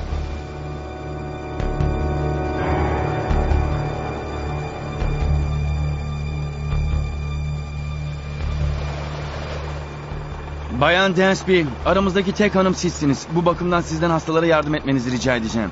Yapabileceğim ne varsa yaparım doktor. Ama üçü de şu anda uyuyor. Şeker hastası yaşlı, koma halinde. Onun için yapabileceğimiz bir şey yok. Ama senatör ve bayan Logarde'ye sık sık sıcak kahve ve bisküvi vermenizi istiyorum. Yeteri kadar zayıfladılar. Gıdasızlıktan ölmelerini istemiyorum. Merak etmeyin doktor. Elimden ne gelirse yapacağım. Doktor, fena halde kafana kısıldık. Haklısın Jack. Rahip kılığına girmiş Smallwood'la Koratsi'nin katil olabileceklerini hiç hesaba katmamıştım. O elinizdeki nedir Zagor? Ha bu mu? Koratsi'nin cüzdanı. Ona yumruk attığımda cebinden düşmüştü. Ben de alıp cebime soktum. İçinde neler var? Ee, kimliği, paraları... Bu da ne böyle? Ee, Gazete kupürüymüş. Gazete kupürü mü?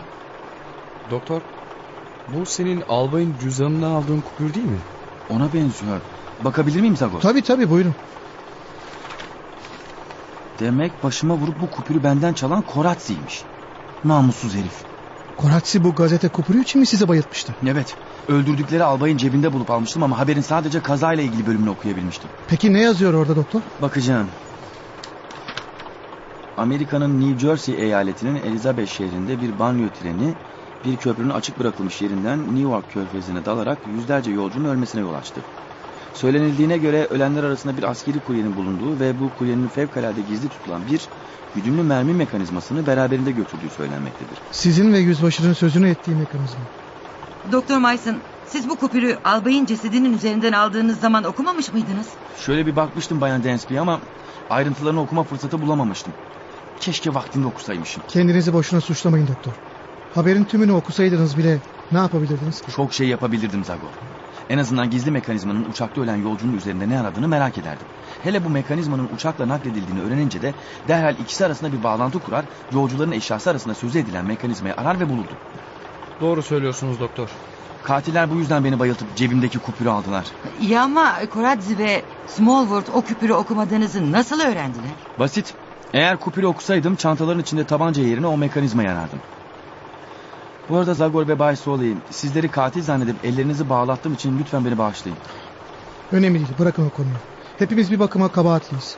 Bu duruma gelmeden bu iki haini de etkisiz duruma getirebilirdim. Yani onların aradığımız katil olduğunu biliyor muydunuz? Onlardan başkası olamazdı ki. Kadınlar şüphe dışıydı. Erkeklerdense Bay Mahler hep hastaydı. Senatör de bu işin dışında tuttuktan sonra kendim ve babam da katil olmadığımıza göre geriye Koratsi ve Smallwood'dan başka kim kalıyordu ki? Öyle değil mi? Bir dakika. Babam dediniz. Babanız kim Zagor? Benim Doktor Miles.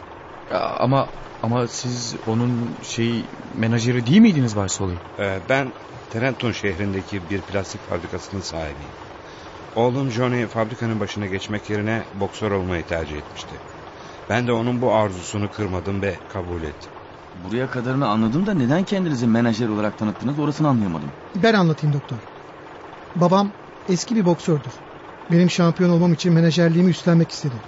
Ancak boks komiteleri bir boksörün yakın akrabasının menajer olmasına izin vermediği için babam kendine bir at uydurdu. Mesele bundan ibaret. Traktör neden durdu? Mola mı vereceğiz yoksa? Bilmiyorum. Neden durduk Koratsi? Yarı yere geldik patron. Sahile 50 kilometre kaldı. Tamam dostum. Yolun sonuna geldik dostlar. Hepiniz inin bakalım. Neden inecekmişiz? Bundan sonraki yola sizsiz devam edeceğiz. Madem öyle bize yiyecek portatif bir sobayla çadırı bırakın. Nasıl olsa birkaç saat sonra müşterilerinizle buluşacaksınız. Size hayatlarınızı bağışlıyorum ya. Yetmez mi doktor? Saçmalamayın. Bu nasıl hayat bağışlamak? Bu soğukta aç bir insan kaç saat yaşayabilir ki? Orasını ben bilemem.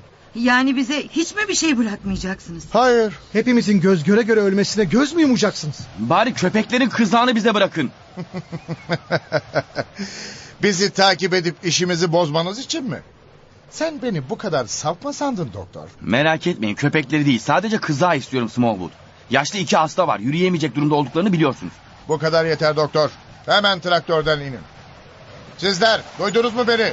İnin diyorum hadi. Şu ölü gibi yatan morukları da indirin kasadan. Çabuk olun. Jack diğerlerini yanına al ve yaşlı bayanlı adamı dışarıya taşıyın. Senatör yürüyecek durumda görünüyor. Hadi Levin. Çabuk çabuk. Herkes indi. Siz de inin hadi. Bacakları çok kötü. Ya dondu ya da uyuştu. Bacağına yiyeceğin bir iki kurşun uyuşmasını geçirir. Sakın babama elini süreyim deme Smallwood. Yoksa boynunu kırar. Dur bir dakika. Levin için babam mı dedin?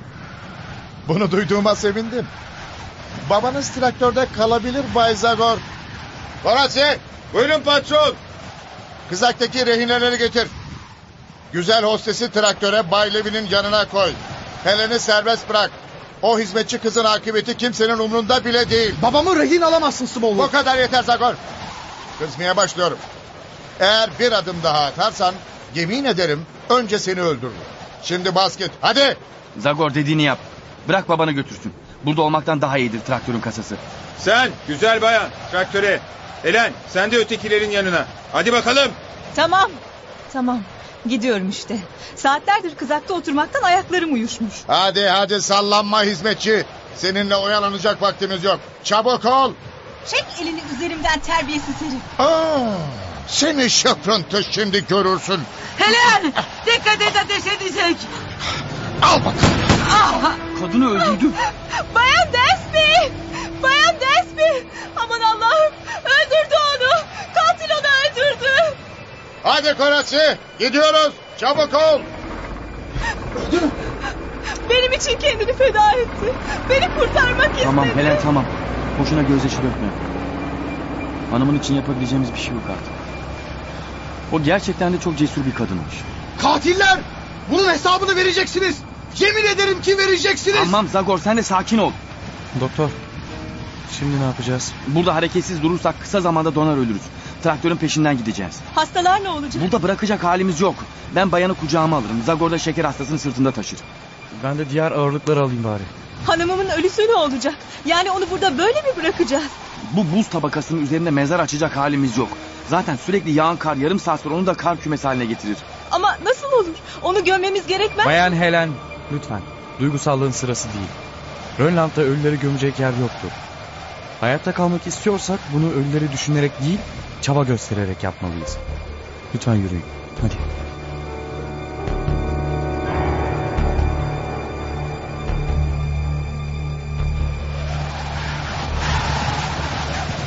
Üzerimizdeki bu yüklerle ve bu tipi altında daha ne kadar yürüyeceğiz doktor? Bilmiyorum Jack. Ama durursak ölürüz. Önce vücutlarımız uyuşur, daha sonra uyuruz ve bir daha da uyanamayız. Doktor size yük oldum lütfen yere indirin beni. Bu havada yürüyemezsiniz bayan. Ayrıca öyle kuvvetsiz kaldınız ki bir adım bile atacağınızı sanmıyorum. Ben... Ben artık yürüyemeyeceğim. Helen saçmalamayın lütfen. Beni burada bırakın. Siz yolunuza devam edin. Öyle şey olmaz. Durun. Durun ben size yardım edeyim. Zaten bir sürü yükünüz var Jack. Bir de beni taşıyamazsınız. Ben hem ağırlığa hem de bu havalara alışkınım Bayan Helen. Bana sıkı tutunun. Zagor ne alemdesiniz? Yürümeye gayret ediyorum Doktor Maysın.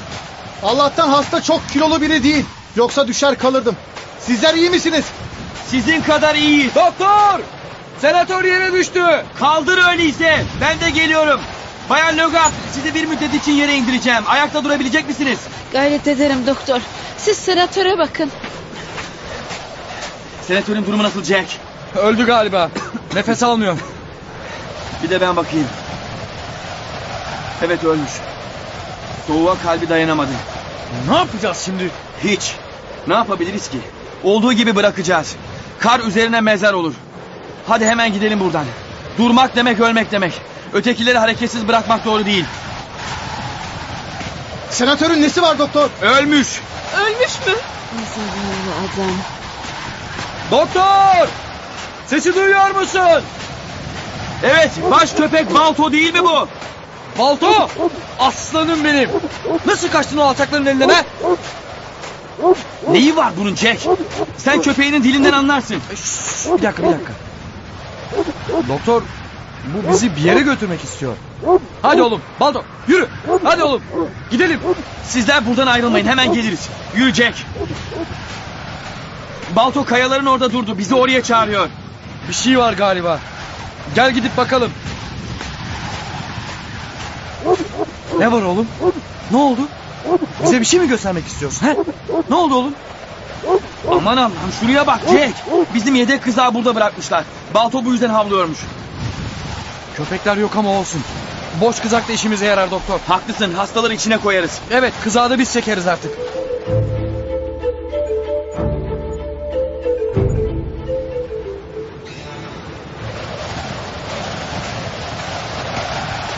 Rüzgar iyice şiddetlendi doktor.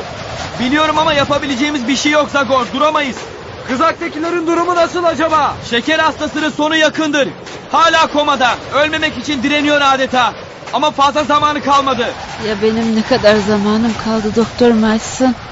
Siz uyumuyor muydunuz Bayan Logar? Allah'a şükür kendinize geldiniz. Beni atlatmaya çalışmayın doktor. Daha ne kadar yaşayabilirim onu söyleyin. Sizi daha nice temsillerde göreceğiz Bayan Logar. Bugün öğleden sonra ya da yarın deniz kıyısına varmış oluruz. Ondan sonra bir gemiden veya uçaktan görülüp kurtulmamız birkaç saat meselesi. Denizle aramız olsa olsa 30 kilometre vardır. Bahsettiğiniz 30 kilometreyi bu perişan halimizde nasıl kat edeceğiz? Merak etmeyin Bay Zagor. Fırtına devam etmez. Bir iki saat sonra hafifleşmeye başlar. Yarın bu vakit hava gayet sakin olacaktır. Bayan Lögard yine daldı. Dalması iyi oldu. Uyanık kalarak yapabileceği bir şey yok. Sizin elleriniz nasıl? Hiç sormayın berbat. Bu gidişle ellerim kesilecek. Hayır. Ama Boks yapamayacağım değil mi? doğrusunu söylemem gerekirse ne yazık ki öyle. Olsun. Ne yapalım? Ben de babamın plastik fabrikasının başına geçerim. Jack! Balto neden havlıyor yine? Bir şey mi gördü acaba? Mutlaka görmüştür patron. Biliyorsun o boşuna havlamaz. Duralım da havladığı yere gidip bakalım. Bu karın üzerindeki lekeler de ne böyle? Yağ lekesi patron. Traktörden yağ akmış. Vay canına. Kar üzerine örtmediğine göre yakın bir zamana kadar buradalarmış. Evet. Yağ lekesinin büyüklüğüne bakılacak olursa da epeyce vakit geçirmişler burada. Bu takdirde bizden pek uzakta olamazlar. Olsa olsa bir, bir buçuk kilometre ötededirler. Hadi kızı alıp hemen peşlerine düşelim. Belki yakalayabiliriz onları. Çabuk! Çabuk yola çıkalım. Ne oldu doktor? Traktörle aramızda az bir mesafe var Zagor. Ayrıca traktör yağ kaçırıyor. Fazla uzağa gidemezler. Acele edersek onları yakalayabiliriz. Bu iyi haber işte. Doktor Mason ben iyiyim. Yürüyebilirim. Kızağı daha rahat çekebilirsiniz. İyi olduğunuza emin misiniz Helen? Evet iyiyim. Pekala. Jack, Zagor. Hadi bakalım kızağı çekmeye başlıyoruz. Tamam.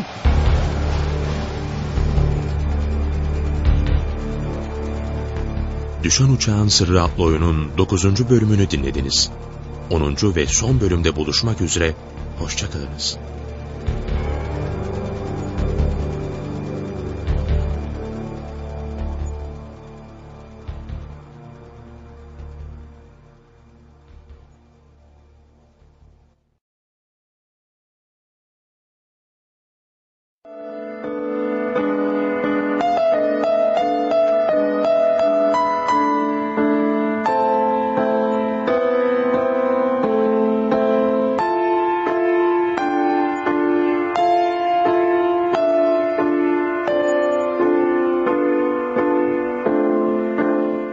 Arkası yarın.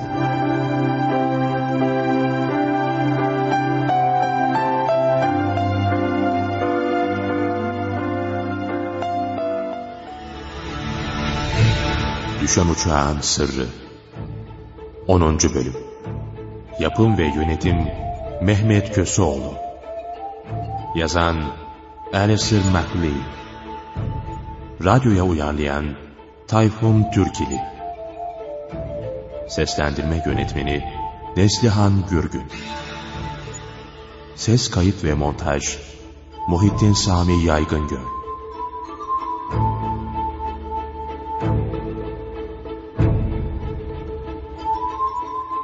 Grönland'da jeofizik istasyonunda görev yapan doktor ve arkadaşlarının bulunduğu bölgeye bir yolcu uçağı düşer. Kaptan pilot da ikinci kaptan ölmüş, telsizci ve hostes yaralanmıştır. Uçakta bulunan 10 yolcudan sadece biri ölmüştür. Yolcular arasında oldukça yaşlı bir müzikalci, ünlü bayan Dansby ve hizmetçisi, bir senatör, bir iş adamı, bir boksör ve menajeriyle yaşlı bir Yahudi ve bir de rahip bulunmaktadır. Kazazedeler kalmak için kulübeye adım atar atmaz, dış dünya arasındaki irtibatı sağlayan telsizlere düşüp parçalanır. Yapılan ilk araştırmada birinci ve ikinci pilotlarla ölen yolcunun cinayeti kurban gittiği belirlenir. Katiller iki kişidir ve kurtarılan on yolcunun arasındadır. Kulübede fazla yiyecek olmadığı için kazazedeler traktör ve kıza yerleştirilerek beş günlük mesafedeki üsse doğru yola çıkarlar. Yolculuğun son gününde katiller ortaya çıkar. Bunlar rahiple iş adamı kimliğindeki yolculardır. Uçakta öldürdükleri yolcunun üzerinden aldıkları gizli bir silah mekanizmasını Ruslara satmak peşindedirler.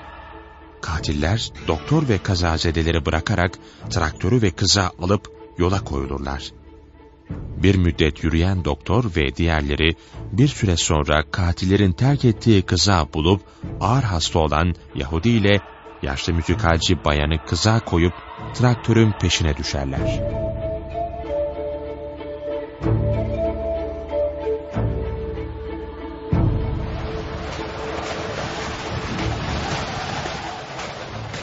Onlara yetişemeyeceğiz doktor. Çok yorulduk. Biraz nefes alalım. Helen sen yine kıza geç ve hastalarla ilgilen. Peki Doktor Marcy. Traktöre yetişmek istemenin sebebi ne patron? Katilleri yakalamak istiyorum Jack. Tek sebep katillerin yakalanması mı? Başka bir sebebi daha yok mu? Var mı? Margaret Rose değil mi? Başlangıçta katil sanıp nefret ettiğiniz o yeşil gözlü güzele sonradan aşık olduğunuza adım gibi eminim. Yani güzel olduğu tabii ki doğru ama hoşlanmıyorum dersem yalan söylemiş olurum. Aha, aha. Aman Allah! Duyuyor musunuz? Bu traktör sesi değil mi? Evet, evet traktör sesi. Sakın katiller geri dönüyor olmasın. Hayır, bu yüzbaşı olmalı. Son konuşmamıza 4-5 saat içinde size yetişiriz demişti. Ah şükürler olsun Allah'ım. Artık kızak çekmekten ve soğuktan kurtulacağız. Traktörün bize yaklaşan farlarını görüyorum. Yüzbaşı! Yüzbaşı buradayız dostum buradayız. Buradayız. Yüzbaşı! Buradayız! Doktor Weiss'ın! Doktor Weiss'ın! Sizi tekrar gördüğüme çok sevindim dostum. Sen mi ben mi? Tam zamanında geldiniz yüzbaşı. Merhaba Jack. Merhaba Bay. Merhaba. Johnny Zagor, boksördür kendisi. Aha, sizi tanıdığıma sevindim Bay Zagor. Bir dakika. Bu adam katillerden biri değil miydi doktor? Bir yanılma oldu yüzbaşı. Önceleri öyle sanmıştık ama yanılmışız. Peki gerçek katiller nerede? Traktörümüze el koyup gittiler. Ya güdümlü O mekanizma? da onlarda. Ama ondan daha önemli bir şey var. Şu kızakta hareketsiz yatan yaşlı adam. Ölmek üzere. Şeker hastası dediğin değil mi bu? Merak etme. Bir saat önce Triton uçak gemisiyle telsiz görüşmesi yaptı. Sizi bulduğumuz zaman işaret fişeği atacağımızı söyledim onlara. Onlar da gemiden kaldırdıkları bir uçakla bulunduğumuz yere insülin atacaklar. İşte iyi haber diye buna derim ben. Hadi hemen işaret fişeğini patlatalım. Bizim traktörde var. Şimdi fırlatırız. Bu arada kutlarım seni Doktor Maysin. Nasıl da korkmadan o Mayday sinyalini verdin. Sırf bu yüzden katiller seni öldürebilirdi. Az kalsın öldürüyordu zaten. Heh, işaret fişeğini buldum işte. Jack al şunu yakıp fırlat. Hemen yüzbaşım. Vay canına fişek bir anda havayı gündüz gibi aydınlattı. Umarım Triton uçak gemisindekiler fişeği görmüşlerdir. Görmez olurlar mı? Birkaç dakikaya kalmaz burada olurlar. Umarım hastanı ayağa kaldırırsın. Onun tek ilacı insülin. Uçak bunları getireceğine göre mesele kalmaz. İşte uçağın sesi duyuldu. Geliyor. İyi de bu karanlıkta bizim yerimizi nasıl tespit edecekler? Kolayı var. Jack bir işaret fişeği daha fırlat da yerimizi tespit edebilsinler. Tamam yüzbaşım.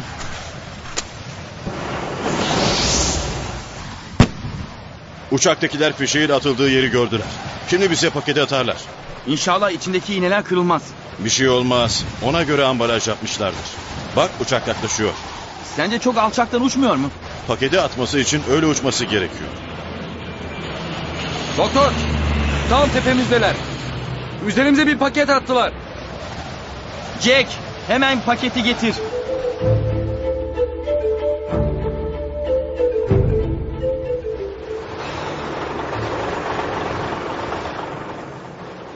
Şimdi kendinizi nasıl hissediyorsunuz Bay Mahler?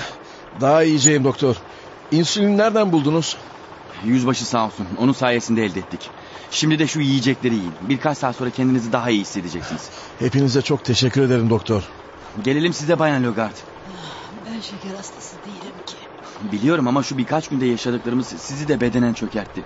Kahveyle birlikte şu yiyecekleri de yerseniz siz de dirilirsiniz. Ben hiç ölmemiştim ki dirileyim.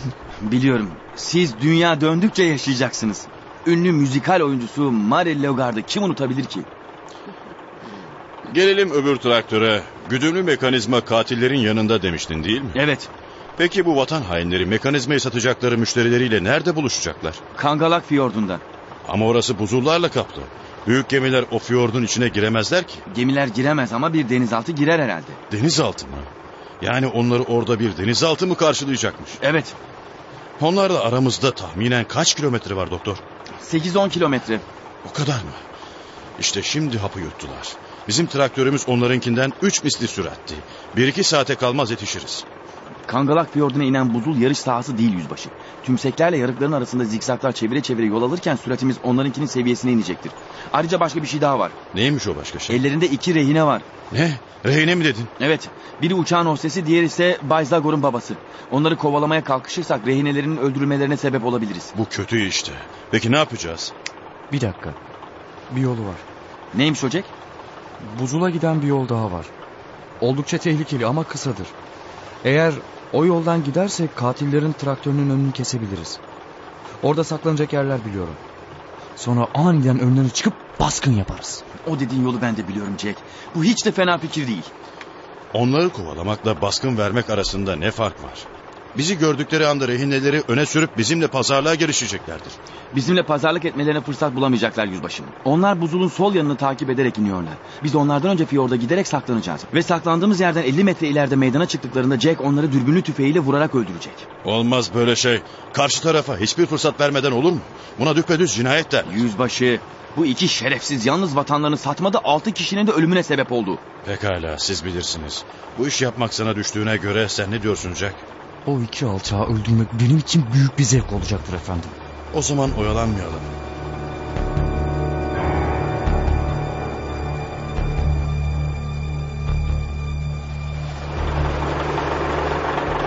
Umarım onlardan önce varırız Fiyorda. Eğer katilleri elimizden kaçıracak olursak gizli mekanizma Rusların eline geçer. Mekanizma umurumda bile değil yüzbaşı. Önemli olan iki kişinin hayatı. Bilim adamları nasıl olsa 6 ay içinde o mekanizmanın daha gelişmişini yaparlar. Ama ölenleri kimse geri getiremez. Ben de sizin gibi düşünüyorum doktor. Güdümlü mekanizma kalsın. Benim tek istediğim babam. Niye durduk Jack? Hedeflediğimiz noktaya geldik yüzbaşım. Burada durup katillerin gelmesini bekleyeceğiz. Umarım bizden önce inmemişlerdir Fiyorda. Hayır hayır inseler de buradan mutlaka görürdük. Baksana fiyordu olduğu gibi görebiliyoruz buradan. O da ne? Bir balıkçı gemisi buzları yara yara sahile geliyor. Balıkçı gemisi mi? Mutlaka mekanizmayı almak için geliyordur. Ver şu dürbünü bakayım bana. Al doktor. Evet. Gemiyi görüyorum. Buzları kırmak için özel olarak yapıldığı belli. Direğinde bayrak var mı? Hangi millete ait doktor? Bayrak yok ama Ruslara ait olduğuna yemin edebilirim. Vay canına gemiden denize bir sandal indirdiler. Ne sandalı? Bildiğimiz sandal. İçinde de 10 kişi var. Büyük bir ihtimalle katillerle buluşmak için sahile çıkacaklar. Yüzbaşı Triton gemisiyle telsiz görüşmesi yapabiliyor musun? Evet görüşebiliyor. O halde hemen onlarla irtibata geç ve Rusların mekanizmayı almak için sahile 10 kişilik bir ekip yolladığını bildir. Buzula çıktılar mı yani? Hayır ama çıkmaları 10-15 dakika sürer. Hadi yüzbaşım kaybedecek vakit olmadığını hatırlat onlara. Tamam tamam şimdi konuşurum.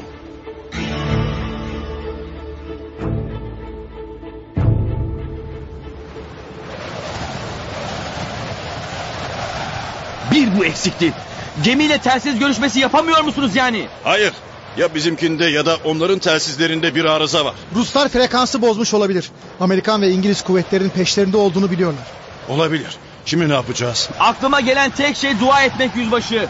Zagor'un babası için, benim de Margaret. Yani bayan Margaret Ross için. Geliyorlar. Traktörün sesini duyabiliyorum. Doktor Mason katiller geliyor. Gelsinler. Planımızı uygulayacağız. Jack tüfeğini eline al. Traktörü gördüğün an önce sürücüsünü sonra da diğerini öldür. Tamam doktor. Traktör henüz görülmedi. Allah kahretsin. Ne oldu? Traktör buzulun sağ kıyısına girdi. Buradan vuramaz mısın? Hayır. Aramızda 100 metreden fazla mesafe var. Giderek bizden uzaklaşıyor. Şimdi ne yapacağız? Bilmiyorum yüzbaşı. Onlara buzulun üzerinden yaklaşmamızın ihtimali yok. Daha 10 metre gitmeden bizi görürler ve rehinelerin başlarına tabanca dayarlar. İyi de böyle durup bekleyemeyiz doktor. Sahile vardıklarında balıkçı gemisinden çıkanlarla buluşunca mekanizma gider. Mekanizma yerin dibine batsın. Ben rehineleri düşünüyorum yüzbaşı. Katillerin traktörü giderek buzula yaklaşıyor doktor. Ne peşlerinden gidebiliyoruz ne de bir şey yapabiliyoruz. Bir dakika bir dakika şuraya bakın. Traktör durdu. Durdu mu? Evet. Bu, bu arada sandal da sahile vardı. Adamlar içinden çıkıyor. İki hain de traktörden inmeye hazırlanıyor.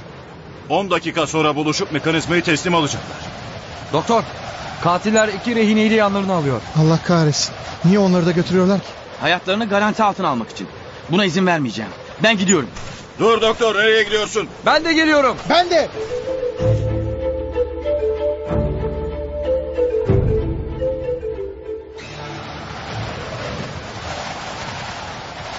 Yürüyün diyorum. Yoksa öldürürüm sizi. Bizden ne istiyorsunuz? Emelinize nail oldunuz. Müşterileriniz buraya geliyor. Bırakın artık bizi de gidelim. Hayır. Sizinle daha işimiz bitmedi. Hayır. Sizinle hiçbir yere gelmiyoruz. Çok konuşma Levin. Beynini patlatırım yoksa. Bunlar da kim? Doktor Mars'ın. Johnny, oğlum. Allah kahretsin. Yetiştiler bize. Ne yapacağız Smallwood? Peşimizi bırakmaları için rehinelerden birini öldüreceğiz. Şakamızda olmadığını anlasınlar. Levin'i öldür Koratsi. Tamam. Kusura bakmayın Bay Levin. Bizi takip etmemelerini söylemiştik ama dinlemediler. Hoşçakalın. Aferin Jack. Tam isabet Kolatsi'yi vurdun. Kurtarın beni Doktor Mars'ın. Namussuzlar! Koratsi'yi vurdular. Baba! Baba yanıma gel! Tam zamanında yetiştiniz oğlum. Bırak elimi. Bırak diyorum. Sen nereye gidiyorsun güzelim? Silahını at ve teslim ol Smallwood. Oyun sona erdi sahtekar. Olduğunuz yerde durun.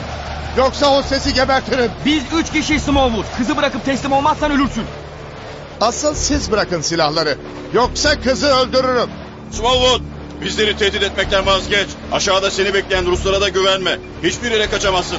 Deniz Amerikan ve İngiliz muhripleriyle dolu. Herkes mekanizmanın peşinde. Ben bu mekanizma için pek çok şey yaptım yüzbaşı. Bir sürü insan öldürdüm.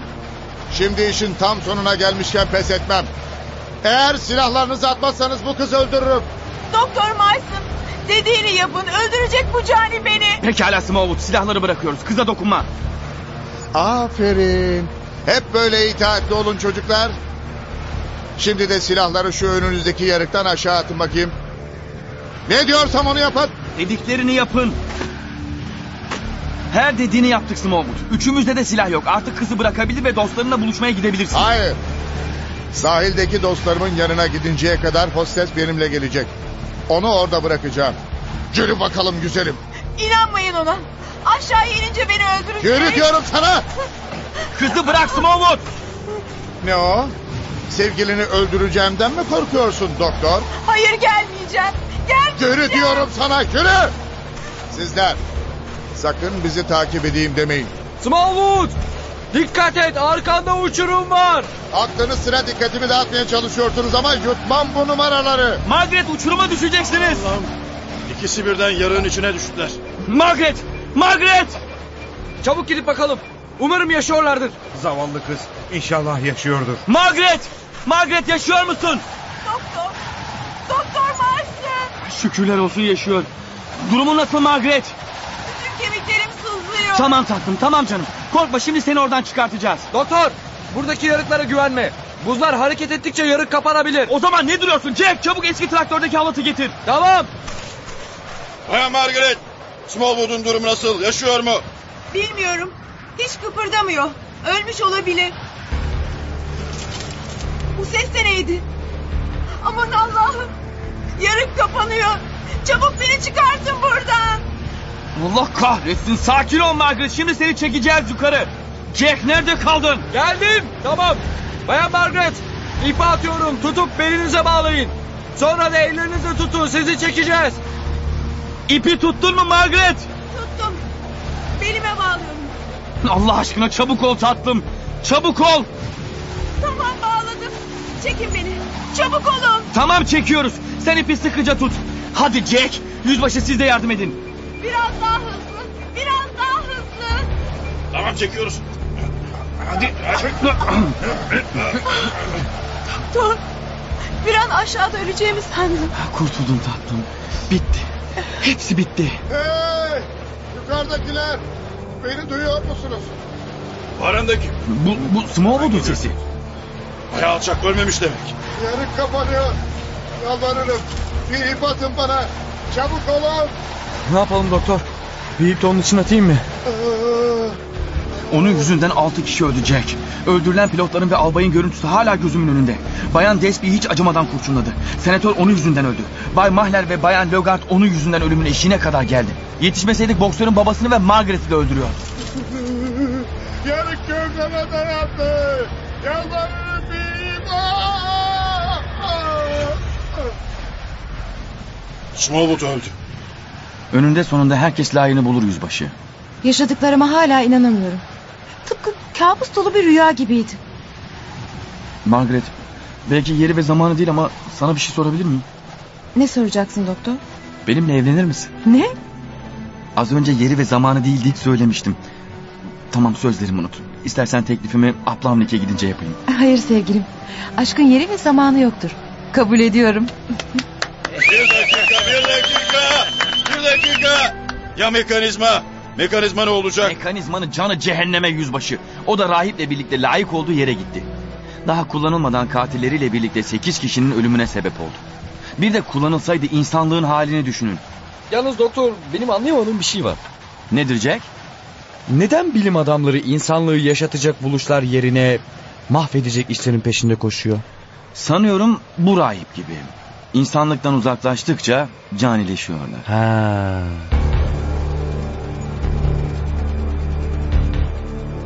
Düşen Uçağın Sırrı adlı oyunun 10. ve son bölümünü dinlediniz. Bir başka oyunda buluşmak üzere, hoşçakalınız.